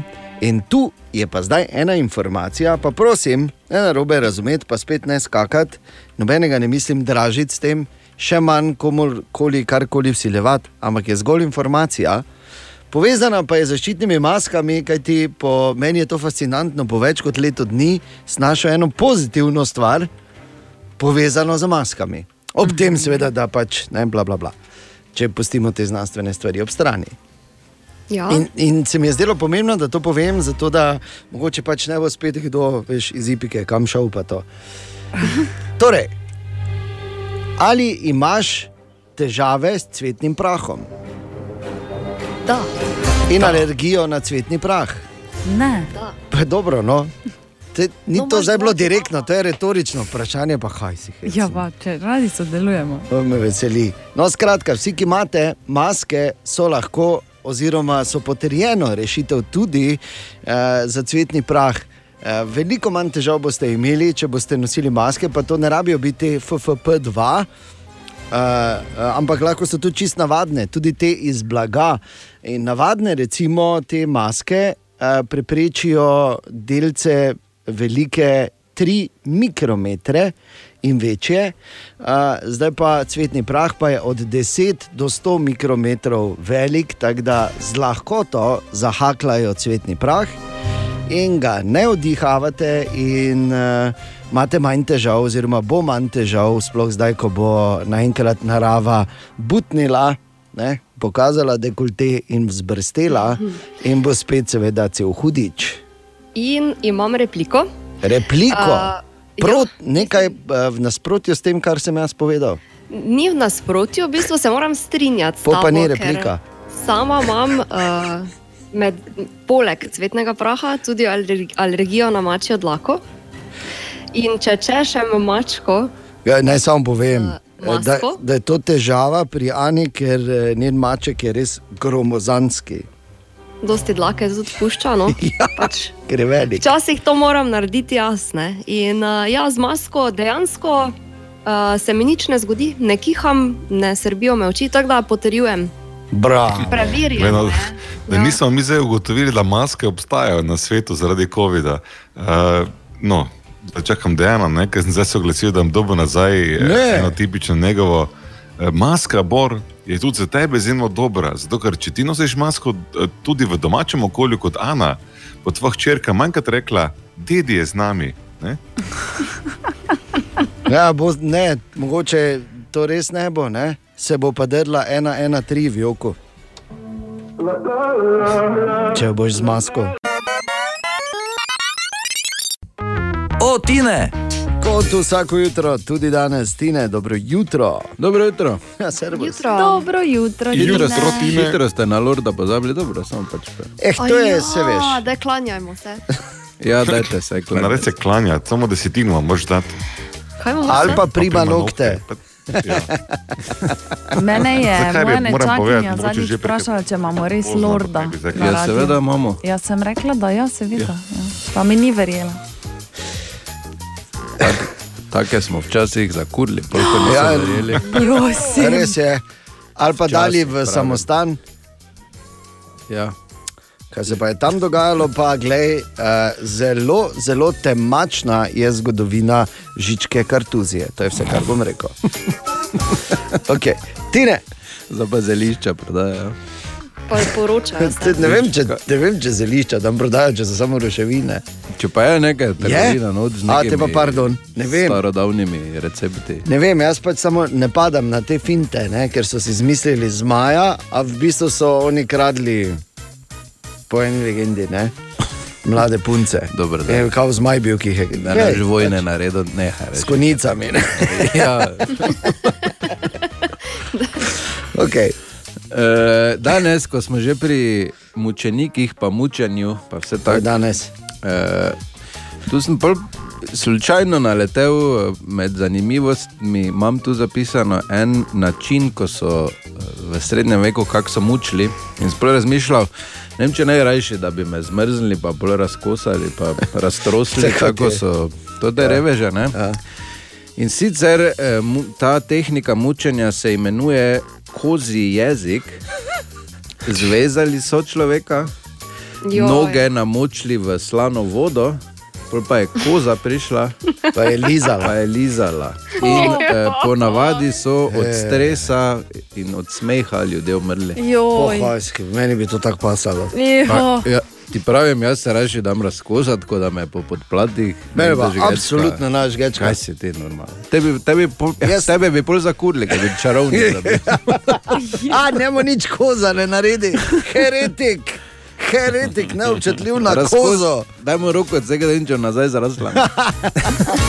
A, ko si rekel 40 mučenikov, ti ne samo bi dodal, ne vem, če si slišal danes, ampak naš Borči je javno povedal, da želi dobiti danes za darilo klobaso. Žal slišal pa je tudi z avtom skoraj eno fontano na Titove, zapela v not. Vse, kaj, vse, mislim, od- to bi pričakoval od punc, ne pa od grajna. Ja. Videla in vajne metafore, imata re, resen brli imata. Jaz sem samo hotel hkrati reči, za katero vemo, da ima očeta, ki dela Salame, ne globase, Ena. salame. Torej, salama je klobasa. Ja, Torej, ti, ni. če samo, samo malo. Ni Torej, ti si klobasa. zdaj javno povedal, da salama? hočeš imeti Palca? klobaso od Katinega ate. Torej. Celo, ker dela dobro, ker ima dobro. svetovno. dobro. Svetovno ima, ja, lepo. Dobro. Dobro jutro, pol je to. Ne piše se ti nič dobrega. a ti upam, da me 20 poslušaš. minut pred osmo. Aha, aha, aha, aha, aha, aha, aha efekt. Bor odgovarja na vprašanje Marjete, ki jo zanima, zakaj kovcamo. Zaradi Marjeta trebušne prepone, ki ima sicer čudovite funkcije v telesu, recimo ta mišica, ki je debela 3 do 5 cm, doprinese do 80 odstotkov mišic, ki so potrebne za dihanje, ampak ko gre pa kaj narobe, ko se nam kovca, pa je pravzaprav se ta mišica stiska nezavedno in ko ta čujemo, ne, to so pravzaprav glasilke, ki se stisnejo. E, zakaj se pa to zgodi, je pa cela drama, ampak načeloma stroka loči kovcanje, ki traja do 48 ur. In kovcanje, ki je daljše kot 48 ur. To Tako da en tik- skupino spada dejan. tako da Ti, ki imaš ta problem, se ti že da je kovcalo več kot dva dni skupaj. Ne, ne, ma, ne, ni šanse. Okej, okej. Ampak dve uri pa. No, dobro, Ja, pa glej. to ni hec. Ja, Vem, res ni ampak- hec. Naj ti povem, da, da tvoje amatersko kovcanje samo do dve uri ne spada v prvo kategorijo. Zdaj možni, raz... Možni razlogi, ne? Pardon. In zdaj mo- samo klukava, ne? Smešna Ali smo spila preveč alkohola? Ne, Mhm. Ali pijemo pijače za CO2? redko. Mhm. Sva jedla morda preveč? No, mislim, kaj je zdaj preveč. Mislim. In naredila kljukico tako. Ali sva bila vznemirjena ali pa v prevelikem emotivnem stresu? To smo vsi vedno, ki delamo s tabo. kljukico, tako ker da, ja. okay. Sem bila izpostavljena nenadni temperaturni spremembi. Ne, ne. Kaj pa menstrualne valonge, ne? Okay, Ne. Ali sva pojedla preveč zraka, ko sva žvečila žvečilni gumi, ali lizala lizalko, ali jedla kak bombon. Kam to pelje, Bor? Ja, to, so, to so vse možni simptomi tvojega kovcanja. Ne? Mislim, simptomi, vzroki, pardon. Ne? Okay. Hvala. Ja, Koliko klugic si naredila? Eh, V bistvu nobene, ker tudi tisto, ali smo preveč jedla, je to stvar zelo subjektivne ocene, kaj je za koga preveč. In očitno se jaz in moja prepona glede tega vprašanja ne strinjama. Ali tudi vi pogosto totavate v temi? Aha efekt, da boste vedeli več. Z Davidom smo se odločili, da vas bova danes zjutraj presenetila, predvsem Katijo in Ano, in da bova uh, govorila, oziroma da bo David eh, eh, povedal nekaj več o modi. David, O. ne? dobro jutro. Dobro jutro. Ja. Dobro jutro. Povej. Ja, to pa zato, ker sem ugotovil, da sem res očitno izven vsega, kar narekuje moda, očitno, tako pravijo vsaj strokovnjaki. Gre pa se za to, da ta milenijska moda, ne oprijete hlače, ohlapne majice, to počasi pa je, gre v pozabo. Zdaj pa jaz, ki bom čez dober mesec 31 in nikoli nisem prišel s tem stilom na ti, ugotavljam, da še mlajši, tisti po 24 let, oziroma tako imenovana generacija Z, na TikToku v svojih videih kuri te oprijete hlače. Tako da oni se tako upirajo tej modi in po resnici povedano mene medejo. No. Eh, Zato pa sem poklical mariborskega modnega oblikovalca Davida Hojnika iz DH Fashion, ki mi je razložil, kako izgleda stilsko, seveda, ta nova generacija Z. To so zelo sproščeni modeli, zelo sproščeni kroji, vse je ohlapno, eh, zelo malo je oprijetega. V splošnem je pa to zelo tak športen stil, ne? nekaj, kar mogoče nismo navajeni. Smo zadnja leta šli tudi z vsakdanjim stilom v glamurozno smer, zdaj se pa dogaja ta sprememba, da vedno bolj prevladuje ta športna smer in sicer tudi na različnih nivojih uporabe, ne samo za športanje, ne? tudi za vsakodnevno uporabo, za kakšne malo bolj posebne priložnosti. In pa tu je spet eh, trend frizur. Gremo pa tu predvsem pri teh novih generacijah v zelo izzivalne barve, barvne kombinacije, vsi pobarvani ne, v živih kombinacijah. Tudi mo- oblike pričesk so drugačne, kot smo jih mi bili navajeni. Vseeno bili urejeni, poštimani, zdaj pa, se, zdaj pa se vedno bolj deluje, vse je razmrščeno, sproščeno. V bistvu, da se sklada s tem športnim videzom oblek. No, in vidiš, to pa je moj stil, ne? ker jaz ponovadi izgledam, kot da sem ravno prišel iz treninga. In, uh, oziroma, tako moram reči, dovolj sem očitno star, da lahko izjavim, joj, to smo ja mi včasih nosili. Ja, ampak to se seveda vse skozi dogaja, starejši vedno to rečejo potem. Ne? Seveda, ampak počasi in potem, kar naenkrat eh, se obrneš in ugotoviš, da so vsi drugače oblečeni, kot so bili, naprimer, še lani. Tako se vsaj Mm. zdi. Hojnik pa razlaga v preteklosti. Dejansko je bilo tudi v zgodovini, ne, tak, da se je na vsako desetletje v bistvu zgodila nova generacija in so se zgodile spremembe, in zelo očitne so bile vedno tudi, kar se mode tiče. Ker če smo iskreni, v bistvu vse trende, v bistvu narekuje ulica oziroma ljudje, ki te obleke nosijo. Nikoli niso bili dizajnerji, oblikovalci, tisti, ki so narekovali trende, so ustvarjali in potem to, kar so ljudje iz teh ustvarjenih kosov začeli nositi in vzeli za svoje, to so potem postali trendi. In ker je seveda strokovnjak, sem ga še vprašal, kako bi on povzel spremembe mode v našem mestu. Se spomnim kot otrok, ko sem gledal svojo mamo s trajno, kodri z bujno pričesko v 90-ih, se je to zelo hitro takrat umaknilo, so postali lasje ravni, urejeni, poštimani. Isto je potem bilo tudi pri oblačilih iz teh širokih ram v normalna oblačila, mogoče kar se krojev tiče v ramenih bolj telirana, kot jih poznamo danes. V času osnovne šole morda to ni bilo tako izrazito, ampak kasneje, ko smo se začeli sami oblačiti, to je bilo od, od skaterskega stila hlač širokih, eh, spuščenih, nizko v pasu, do hlač na trapez, ki smo jih vmes nosili eno obdobje in potem v srednji šoli se pa je vedno bolj šlo v smeri oskih kavboj, ki so pa zaznamovali recimo to generacijo milenicev, med katere spadam tudi sam. Tako da, ja, kaj naj rečem drugega, kot pa vse se spremenja konstantno v tem našem vesolju. Ja, in če počakaš, si ciklično spet v modi. ja. Dobro jutro. Dobro jutro. Dobro jutro. Dobro jutro. Jutri bo dež, ne? Yep. Cel dan. jutri bo eden tistih dni, ki, eh, na katere pride prav uh, ta vijolična Marela Radio City. Ostale dni pride prav za muce, ne, da si pripravljen, ko pride pa re, re, pa te napade, pa kaj je, ne, ne, evo, na, na, ima Marelo, ne moreš do mene. Ker haha. se tako brani. Mu- Ja, muce pa delajo, re, re, ne, in pa se branimo. Mm. -hmm. Jutri pa bomo rabili tudi za zaščito glave, če bomo kaj hodili okoli. Uh, in če še nimaš, danes je spet možnost, če ugotoviš, koga bomo imeli, oziroma imamo skritega na družbenih omrežjih. Imamo že skritega. Imamo skrito, bi jaz rekel. No, da, pač. Jaz mislim si, da vem, kdo je.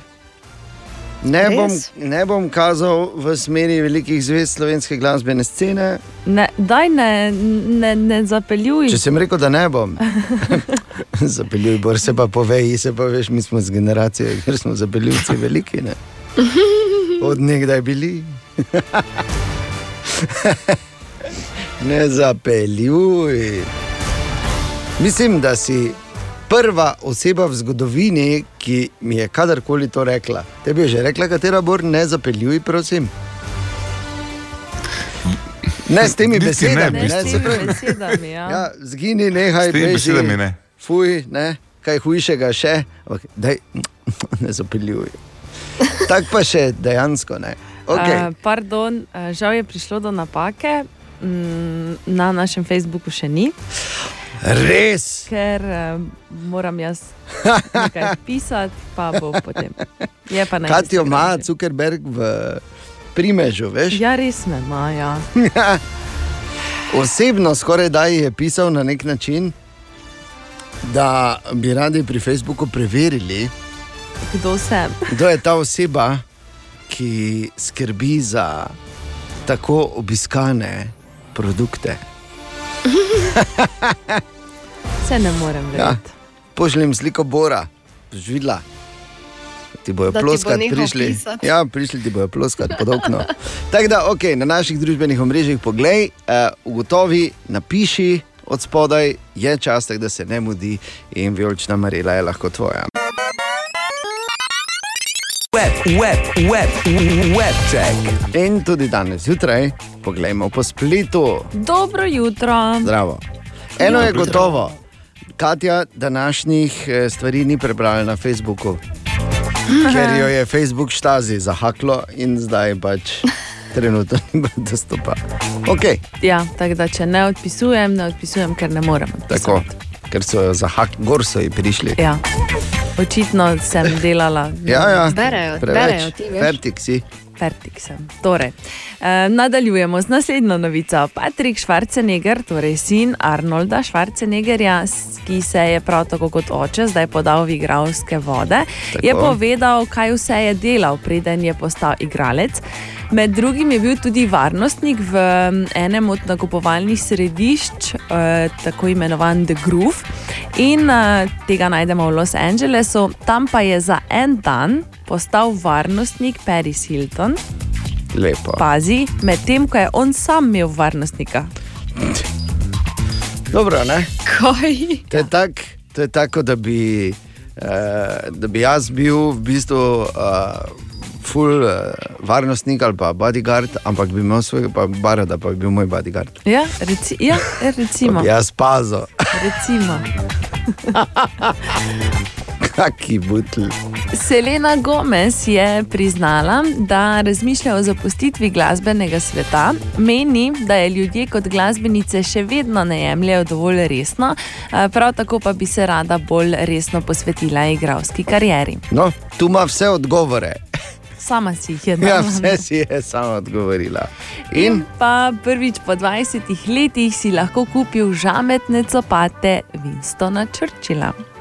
prav njegove. Prav njegove gre za te znane copate z, modro, z modrim žametom in, in zgoraj so z zlatim, zlato nitjo izvezene njegove inicialke. Dobro. Zraven si dobil še kozarec za viski, iz katerega je seveda pil sam Winston Churchill. Seveda je. In uh, bili so prodani na dražbi za 37 tisoč ameriških dolarjev. Wow. Viš, to sta dve stvari, ki jih ne bomo nikoli odbora mogli kupiti. Iz dveh, iz dveh razlogov, kozarca ne, zato ker viski pije iz flaše. Copato pa tudi ne, zato ker uh, jih, jih poje tisto gobo ven. Peno, ven, ja, točno. Web check. Narečja so zakon. Ha, kva, koga, kaj? Ma ne razumem. Tako vsak dan, že vrsto let na radiju City govorimo, oziroma govori predvsem naš eh, lingvistični bič božji Marko Fras, eh, Fras in Medvršovo. In dejstvo je tudi, da sem že razmišljal, da počasi pa bo verjetno sfalilo nekih zanimivih izrazov, pa tega, ampak vedno znova iz tedna v teden ugotavljamo, da so narečja in da je ta eh, jezikovna posebnost naše male državice v bistvu neizčrpen vir zanimivih in zabavnih zgodb. Tako. To sem imel napisano.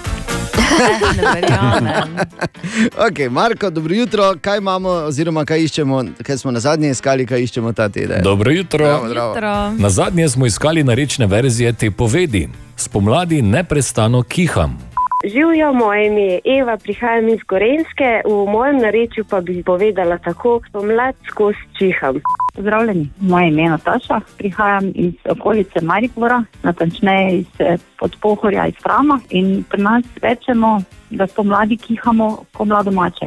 Zdravo, sem Sebastian, prihajam iz Reč, eh, pri nas pa rečemo, spomladi vedno peham. In še nekaj povedi iz Facebooka. Na spomlad stalno kišen, spomladi mi Iberlov ventil veno spušča. Spomladi durhmarh kiham, pomladi non-stop breham, vlička kuj naprej kiham in spomladi furt naprej prham. V tem tednu pa iščemo narečne izraze za uriniranje. Kaj pravite vi trije? Gledarica, foringaš in gostač. Oringaš. In kaj je frengaš? Gostač, čije sedi, vem, samo to je vse, kam mi je rekel. Kak je povedal. Oringaš. Ja, tebi kot prekmurki, ne? Seveda. Je to seveda zelo blizu. Prekmurcem. Ja, tvojim, ne? Bi mi kdo povedal, kaj, kaj pomeni? da Ok, lahko ok, te močke- Marko, razloži, prosim. Gledarica je vedeževalka, foringaš je voznik oziroma prevoznik, gostač pa je usiljen gost. Tako kot se rekel, gostač urinira, oziroma ščije sedej. si se našel, gor, ne? v celi Totalno. povedi. Ampak nareče se zakon, ne pozabi, vsak dan frasi medved šel po drugi. Ha, koga? Ma ne razumem. Narečja so zakon. Katja, Ana, Borin, Dejan, želimo dobro jutro. Dobro jutro. No, Borov sodobnik, Jeff Bezos, pa je rekel, pardon, da bo do leta 2030 daroval 30 milijard ameriških dolarjev za naravo. Kar seveda pomeni samo eno, tudi dragi Jeff je gor prišel.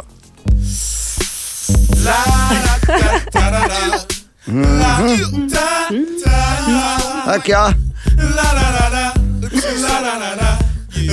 Je ugotovil, da mora malo okoli potisniti. Ne? Danes je četrtek, 11. marec, ki je mimo grede tudi svetovni dan vodovodarjev. Tako da vsi vodovodarji, čestitke, danes je vaš dan, hop, za ključ. Eh? Ali kako se že Ali kako se pozdravijo? reče, ja. Bor bi vedel, zato ker je, uh, zato ker je ima novega prijatelja, vodovodarja. Ne? Res je, iz um, enem čudnem naključju Ja, je ja. sosedo popravljal ravno tisti vodovodar, ki je v Dejanovih um, časih, ko je Dejan še bil potencijalni vodovodar. v vsakem, Ja, seveda. v vsakem primeru pa relativno neuspešen gasilec, bil njegov poveljnik. Tako da sem epizode, ki sem jih poslušal iz Dejanovega mladostnega življenja, Joj, samo po- utrdile v tem, ne, je vredno, da smo ga iz vasi, torej iz Ja, danih ja. dogoš, potegnili v mesto, vsaj za kratek čas, prednje je ubežal v Fram. Okay, od zadaj že slišimo uh, temo najbolj, verjetno najbolj znanega vodovodarja, ne, ki z eh, tem uh, s, s klemami. Hello, it's Mario. It's Mario. Ja, it's me, it's Mario. Mario, najbolj znan vodovodar med znanimi vodovodarji, je tudi razopiti mafijec John Gotti, ki je bil šef družine Gambino, pa recimo igralec Michael Caine je bil tudi vodovodar v osnovi. Joe Cocker, prav tako vodovodar. In pa Ozzy Osbourne tudi začel, začel kot vajenec za vodovodarja. Da vidite, ne, ne konča se pri cevi pod drukom. To je vse, kar lahko rečem na svetovni dan vodovodarjev. Še enkrat čestitke, hvala, res da pomislimo na vas samo takrat, ko vas rabimo. Ampak takrat ste vredni več kot suho zlato. Hvala, vodovodarji. O, Tine! In ko ga vidiš plesati, bi isto lahko rekel, lahko bi bil Michael Jackson, ampak ne, je Tine. Kar za tebe ne mogo reči. Ja, ne. Obstaja en move s klobukom, ki ga Tine res obvlada. A, ko pride z morja, ko je malo temnejši, isti Michael Jackson. Kako je lepo, da se vrepira, da kjer lepše pleše. Jaz bi to samo obema čestital, ker sta izjemna plesalca in uh, Ej, na mnoga res leta. ne. Okay, hvala lepa. Na mnoga leta. Na mnoga leta. Ja, Ima mnoga plesalna leta, ne? Že je to, plesalci imajo kratke kariere, pa je lepo, da jim želiš, da pač čim dlje traja. V redu. Koliko plesalcev te eh, vse. Ogromno. Ogromno, dobro, Tine. ne, ne bom zdaj dalje šel. Kaj imamo danes, Tine? O, danes imam eno res eh, prepotrebno informacijo. Dobro. Kako ste brez tega lahko živeli? 75 odstotkov vseh sezamovih semen proizvedenih v Mehiki, 75 odstotkov, pazite. Ja, tri četrt, torej. Tri četrt vseh semen sezamovih proizvedenih v Mehiki pristane na McDonald'sovih hamburgerjih. Da je nehaj. V Ameriki ali po svetu? Po svetu. Mehiška semena. Maš, ma, mam rada, ne? Hvala, jaz sem zaključil, To je to. nič več ne To je to. Mehiška semena Ja. imam rada. Torej, v 90-ih, oziroma po letu 1990, izjemno, izjemno popularna Heidi, danes v naši rubriki nekoč so bili zvezde, kaj pa delajo danes. Torej, Sara, dobro jutro in povej, kako se je začela glasbena pot od Heidi. Dobro jutro. Dobro jutro. Ja, Hajdi, takrat reše deklico je v medijski svet popeljala pesem na škuža. V mojih očeh, najbrž tudi zaradi starosti, je res prva prava otroška zvezda v Sloveniji, ki pa je zaslovela v času, ko talent šovi še niso prišli do nas. Ta karijera je bila čisto, bom rekla, spontan začetek, je imela nihče, niti jaz, niti moji starši, no, ki so odigrali pomembno vlogo eh, pri tej moji karieri. Nismo vedeli, kaj se bo dejansko res zgodilo. In eh, čez noč je naš kuža pač postal hit, napisal ga je Brandy z skupino Don Juan. Česa pa se prav potihem bojim, le kaj bo naš kuža in kaj bo še z njim. Slučajno bo očka postal, takrat bo odšel, a meni bo žal. Hajdino prepoznavnost sta utrdili skladbi Tvoj pogled muči me in nisem važna, domač poštni nabiralnik pa je bil poln. sem imela tudi javljanje na telefon vsak dan od pol sedmih do sedmih zvečer. In v bistvu je bilo kar ne pet otrok, ki ni moglo zaspati, brez da jim Hajdi ni rekla lahko noč. In dej, v tem svetu se nam to zdi malo smešno, ampak takrat je bilo lepo, je bil tudi svoj čar.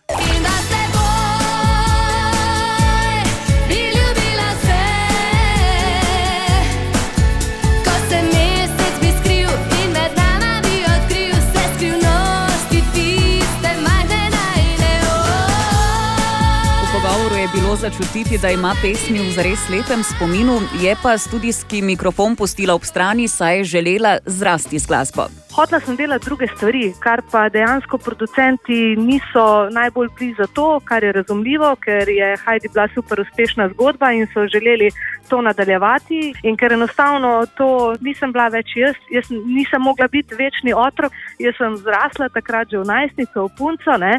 In sem se pač odločila, da boljše, da to zadevo potem zaključim, pa sem se posvetila študiju, dokončala ekonomsko fakulteto. Pa ne, ne, nisem važna, naj vedo, da nisem takšna drugim, le tako se zdi. Aj, aj, aj, aj, ne, ne, nisem dama, tudi jaz sem včasih sama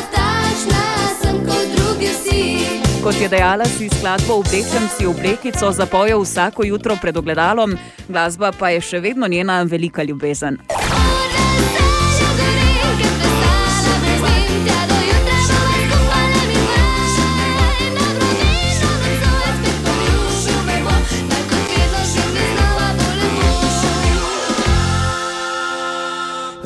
Naj povem, da si da, vsaj za enkrat najbolj poje Katja zraven, ne, kar je super, jaz pa tudi lepo plešem. Ampak, Ja. Sara, povej, kam je uh, Heidi življenje odpeljalo po faksu. Deset let se je gibala v bančniških vodah, pred leti pa je zaplavala in res po domače povedano rasturala podjetniške z butično trgovinico za mamice in otroke Heidi Pikasi. Sedem let nazaj, ne, takrat, ko sem jaz zanosila, pač v Sloveniji neke butične ponudbe ni bilo, neke alternative tej klasični ponudbi in to sem res zelo pogrešala, zato sem dosti naročevala iz tujine. Uh, moj mož, ker je pa bil včasih tudi hosting provider, no, mi je za rojstni dan kupil domeno Heidi.si, ker je imel poln kufr poštarjev, ki so dostavljali pakete in je rekel, Heidi, zdaj pa ti naredi nekaj iz tega. Ne. In tako, ko je po noč dojenček, moj Dante, prvo rojenček spal, sem jaz eh, vnašala izdelke v to našo spletno trgovinico. In tako se je v bistvu naša zgodbica v dnevni sobici začela. No, zdaj pa že imamo veliko fizično trgovino tukaj v celju, skladišče, logistični center. E, smo tudi distributer za deset blagovnih znamk, ki stojine za slovenski in hrvaški trg. Pravi,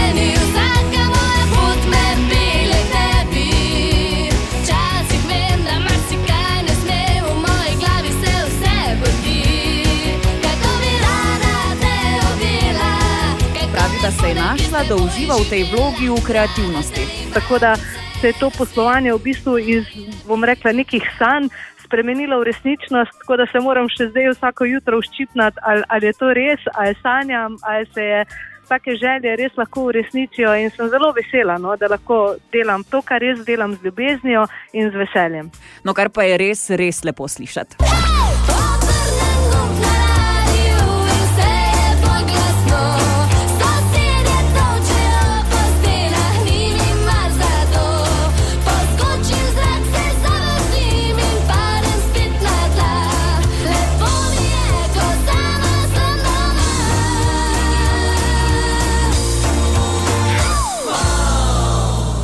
Evo, tako zdaj vemo, kaj dela Heidi, ki je zagotovo spremenila ali pa polepšala otroštvo marsikomu tam O, zunaj. ja, ja. In pa tu notri, v studiu ena radija. si ti Meni danes dan do konca. Res. Drži se, Heidi, hvala za tvoj čas. Želimo dobro jutro. Dobro jutro.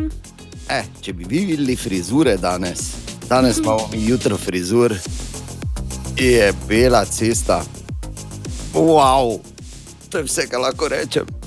Upam, da tudi tebe presenetijo take frizure danes v službi ali pa na videokonferenci, kjerkoli že si. In seveda si prvi začne popravljati. Ne rabiš, ni Normalno. Lahko delaš, kaj hočeš. Bor ima tako imenovano petkovo filtno. Ja, Tudi danes bomo šli v novo jutro, vreme bo bolj tako, kot smo slišali. Ampak eh, to ne pomeni, da ne bomo mi svojih svetlobnih mečev potegnili ven in vu, vu, vu. Dobrodošli. Dobro jutro. Želimo dobro jutro. Dobro jutro. Dobro jutro. Ja, pozdravljeni in v Mariboru. eh, Kot so napovedali, so v tem tednu začeli s cepljenjem eh, zaposlenih v šolstvu, torej šolnikov v osnovnih in srednjih šolah. Eh, Podatki so, da se jih je kar veliko odzvalo, mislim, da okoli 70 odstotkov, kaj ne bo. Torej, pričakovano se je najprej, da bo več kot polovica, potem so govorili 60, zdaj pa že krepko presegamo 70 odstotkov vseh, kar je izjemno, glede na to, da so nekateri tudi že preboleli, oziroma nekateri zdaj prebolevajo. Tako da lahko bi sklepali, da so šolniki vsaj v Mariboru izjemno hm, solidarni z otroci. Ja, bravo. In mi smo seveda šli pogledat, kako poteka uh, to cepljenje, in jih vprašali, kako se počutijo, zakaj se cepijo in uh, kakšna so, pač, so njihova razmišljanja. Ker bi rada obiskala babico, šla na more, pač ostala zdrava. Zaupam pač zdravnikom, pa cepivom. Zato, ker sem že imela štiri pljučnice, pa sem zdaj zavarujem sebe in tudi ostale. Nikoli ne vemo, kaj, kaj pride, vse dan so nove novice, ne pa se motira, pa vse. Ampak to se mi zdi pa zelo smiselno. Ja, odločitev je bila kar težka, ne? ker se eno imamo premalo informacij, malo še vseeno nezaupanja, ampak nekako moramo to prebroditi. Ne? Družbena odgovornost. Skozi se poveča uh, to okuženost ravno zaradi tega. Ne? Pa tudi, recimo, starejšimi uh, živimo skupaj, pa da tudi ne bi njih, ker so bolj dovzetni za take stvari, ne? da se ne bi še oni okužili. Eh, Zagotovo, da imam pomislek, ne? ampak potem nekako daš na tehnico, ali COVID, ali to pa je približno 50-50. ne. Tako da vseeno se bom raje cepila, pa upam, da se s tem izognem hudi obliki eh, prebolevanja. Se mi zdi, da imam vseeno več možnosti. kot pa če se ne bi cepila. Zaradi sebe, svoje varnosti pa ostalih. Ah, zato, da se enkrat zaključi vse skupaj, da lahko začnemo spet normalno živeti. To je tisti glavni razlog, da bodo mladi spet lahko zunaj, da bomo brez mask. Vrhunsko, takoj vidiš, mimo grede, katera je bila učiteljica matematike. Ki si je zračunala ja. možnosti. Ne, ampak eh, hec na, stran, uh, hec na stran, jaz bi samo uh, rekel vsem učiteljicam, učiteljem, zaposlenim v šolstvu, ki ste se odločili, da boste cepili. Največ, kar ste s tem pokazali, je seveda, da vam je mar do vseh otrok, ki so, kakorkoli obrneš, eh, ena večjih, če ne največja kolateralna škoda te COVID pandemije. In na tem mestu bi vam rekel, junakinje, junaki, hvala lepa. In dobro jutro. Dobro jutro. Hvala in dobro jutro. Dobro jutro. Dobro jutro. Že vemo, kaj bomo kuhali danes? Ne. Nič. Ja, no, to je čisto realno vprašanje, Ja, tako zgodaj zjutraj. Človek mora imeti plan, drugače spet se bo jedla pašteta ali pa tuna iz konzerve. To pa nočemo v petek. Danes je petek, dragi kolegici, spoštovani kolega. Skoraj nemogoče vprašanje. Kot vsak petek. Temelji ja. na statistiki, narejeni v Evropski uniji. Mi zapademo not. Ja, Seveda. Naj samo zdaj. povem, da je eh, inspiracija za današnje skoraj nemogoče vprašanje bilo to včerajšnjo poizvedovanje Katje o beli obleki in debata o poroki. Okay. Ki je zdihnila od. Je pol celo jutro je Ena Katja je vadila. tiho, druga je zavzdihnila, bom rekel. Če celo jutro je Katja vadila, ne, ne, ne, ne, ne veš, da je Pol pa sem rekla ja na koncu. bravo, Katja, bravo. Res čestitam, okay. kdaj pa bo? Ko bo se dalo. Ne? Ja.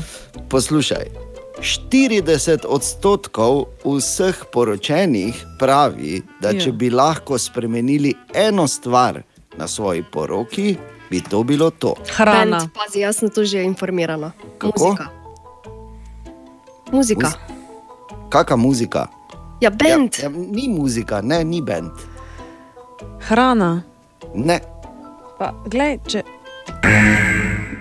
Vse je v redu. saj, A, tak, na ja. mesto poročne koračnice bi imeli nekaj drugega. Ne. Ja, kje še pa pol špilajo? Playlisto. Ne, Ja. ni bend, ni playlista. A ja, mogoče ne veš to. Ne? Dobro, to so te tezenske šale. No, Ne? vprašam, kaj te jaz vem. Ni, ni. Um, prostor. Aranžma. Ne, obleko. Ne, ne, ne, ne. ne. ne. Uh, šopek. ne. Jaz pa ne prijem zraven, gled vse, okay, kar naprej. Pusti, pusti. Ja, Svate, bom- tako. svate. Bor, ti si edini. Ne. Ja, in zdaj, in zdaj ne dejansko samo skozi, skozi, kaj bi Ja, ona spremenila. Ne? Šopek smo rekli, ti že tak- ne. Ja. ja. Pa ni. Tort, Pusti, ne. oborne. Napise na mizah. Ne, je ne preveč samo ni, banalna. ni neka bizarna, tako ko bomo vsi rekli. Ja, Čakaj, lej, 40%, tako da vse. To je skoraj pol. Najno pesem. To je tista, na katero sta plesala. Ja, to je najna pesem, ne? Kak se, a ima to drugo uradno Točno ali kaj? to. Ne, bom vedel, glej. To pa, tako, to pa samo zato, ker to je edina stvar, kateri, okoli katere se ne more zmeniti in bi ona zigr spremenila, ker je kompromis sklenila. Hm. Naj samo jaz povem to, da uh, jaz pa vidiš atipično, ne, mi dva smo se pa takoj zmenila. In ne bi jaz zamenjal, zato ker smo imeli. Dejan, smo imela, Dejan. čakaj, no naj povem. Sta sva imela uh, pesem, veš, iz Pulp Fiction, ko ja, sta seveda, Uma Thurman in plesala. Če plesala. sem bil na poroki, jaz kaj s tabo. Hočem, Ja, takrat ne, ti si pobegnil z moje Ti si poroke. šel s poroke. Ja, pa Brez, meni, da da so pa te povedali, vse ne. Zaziher, naj ti samo ne eno stvar povabila, povem. ne Eno nočem, stvar ti da ne povem. Ti ne bi tega spremenil, veš? Ja, no, Ja, no, ti. Ti, ja. Da, kdo pa je pomemben v tej zgodbi? Ja, Samo pardon. ti. Joj, Samo samo ti. gremo dalje. Bor, kak amatersko. Samo. Katja, Ana, Bor in Dejan, želimo dobro jutro. Dobro jutro.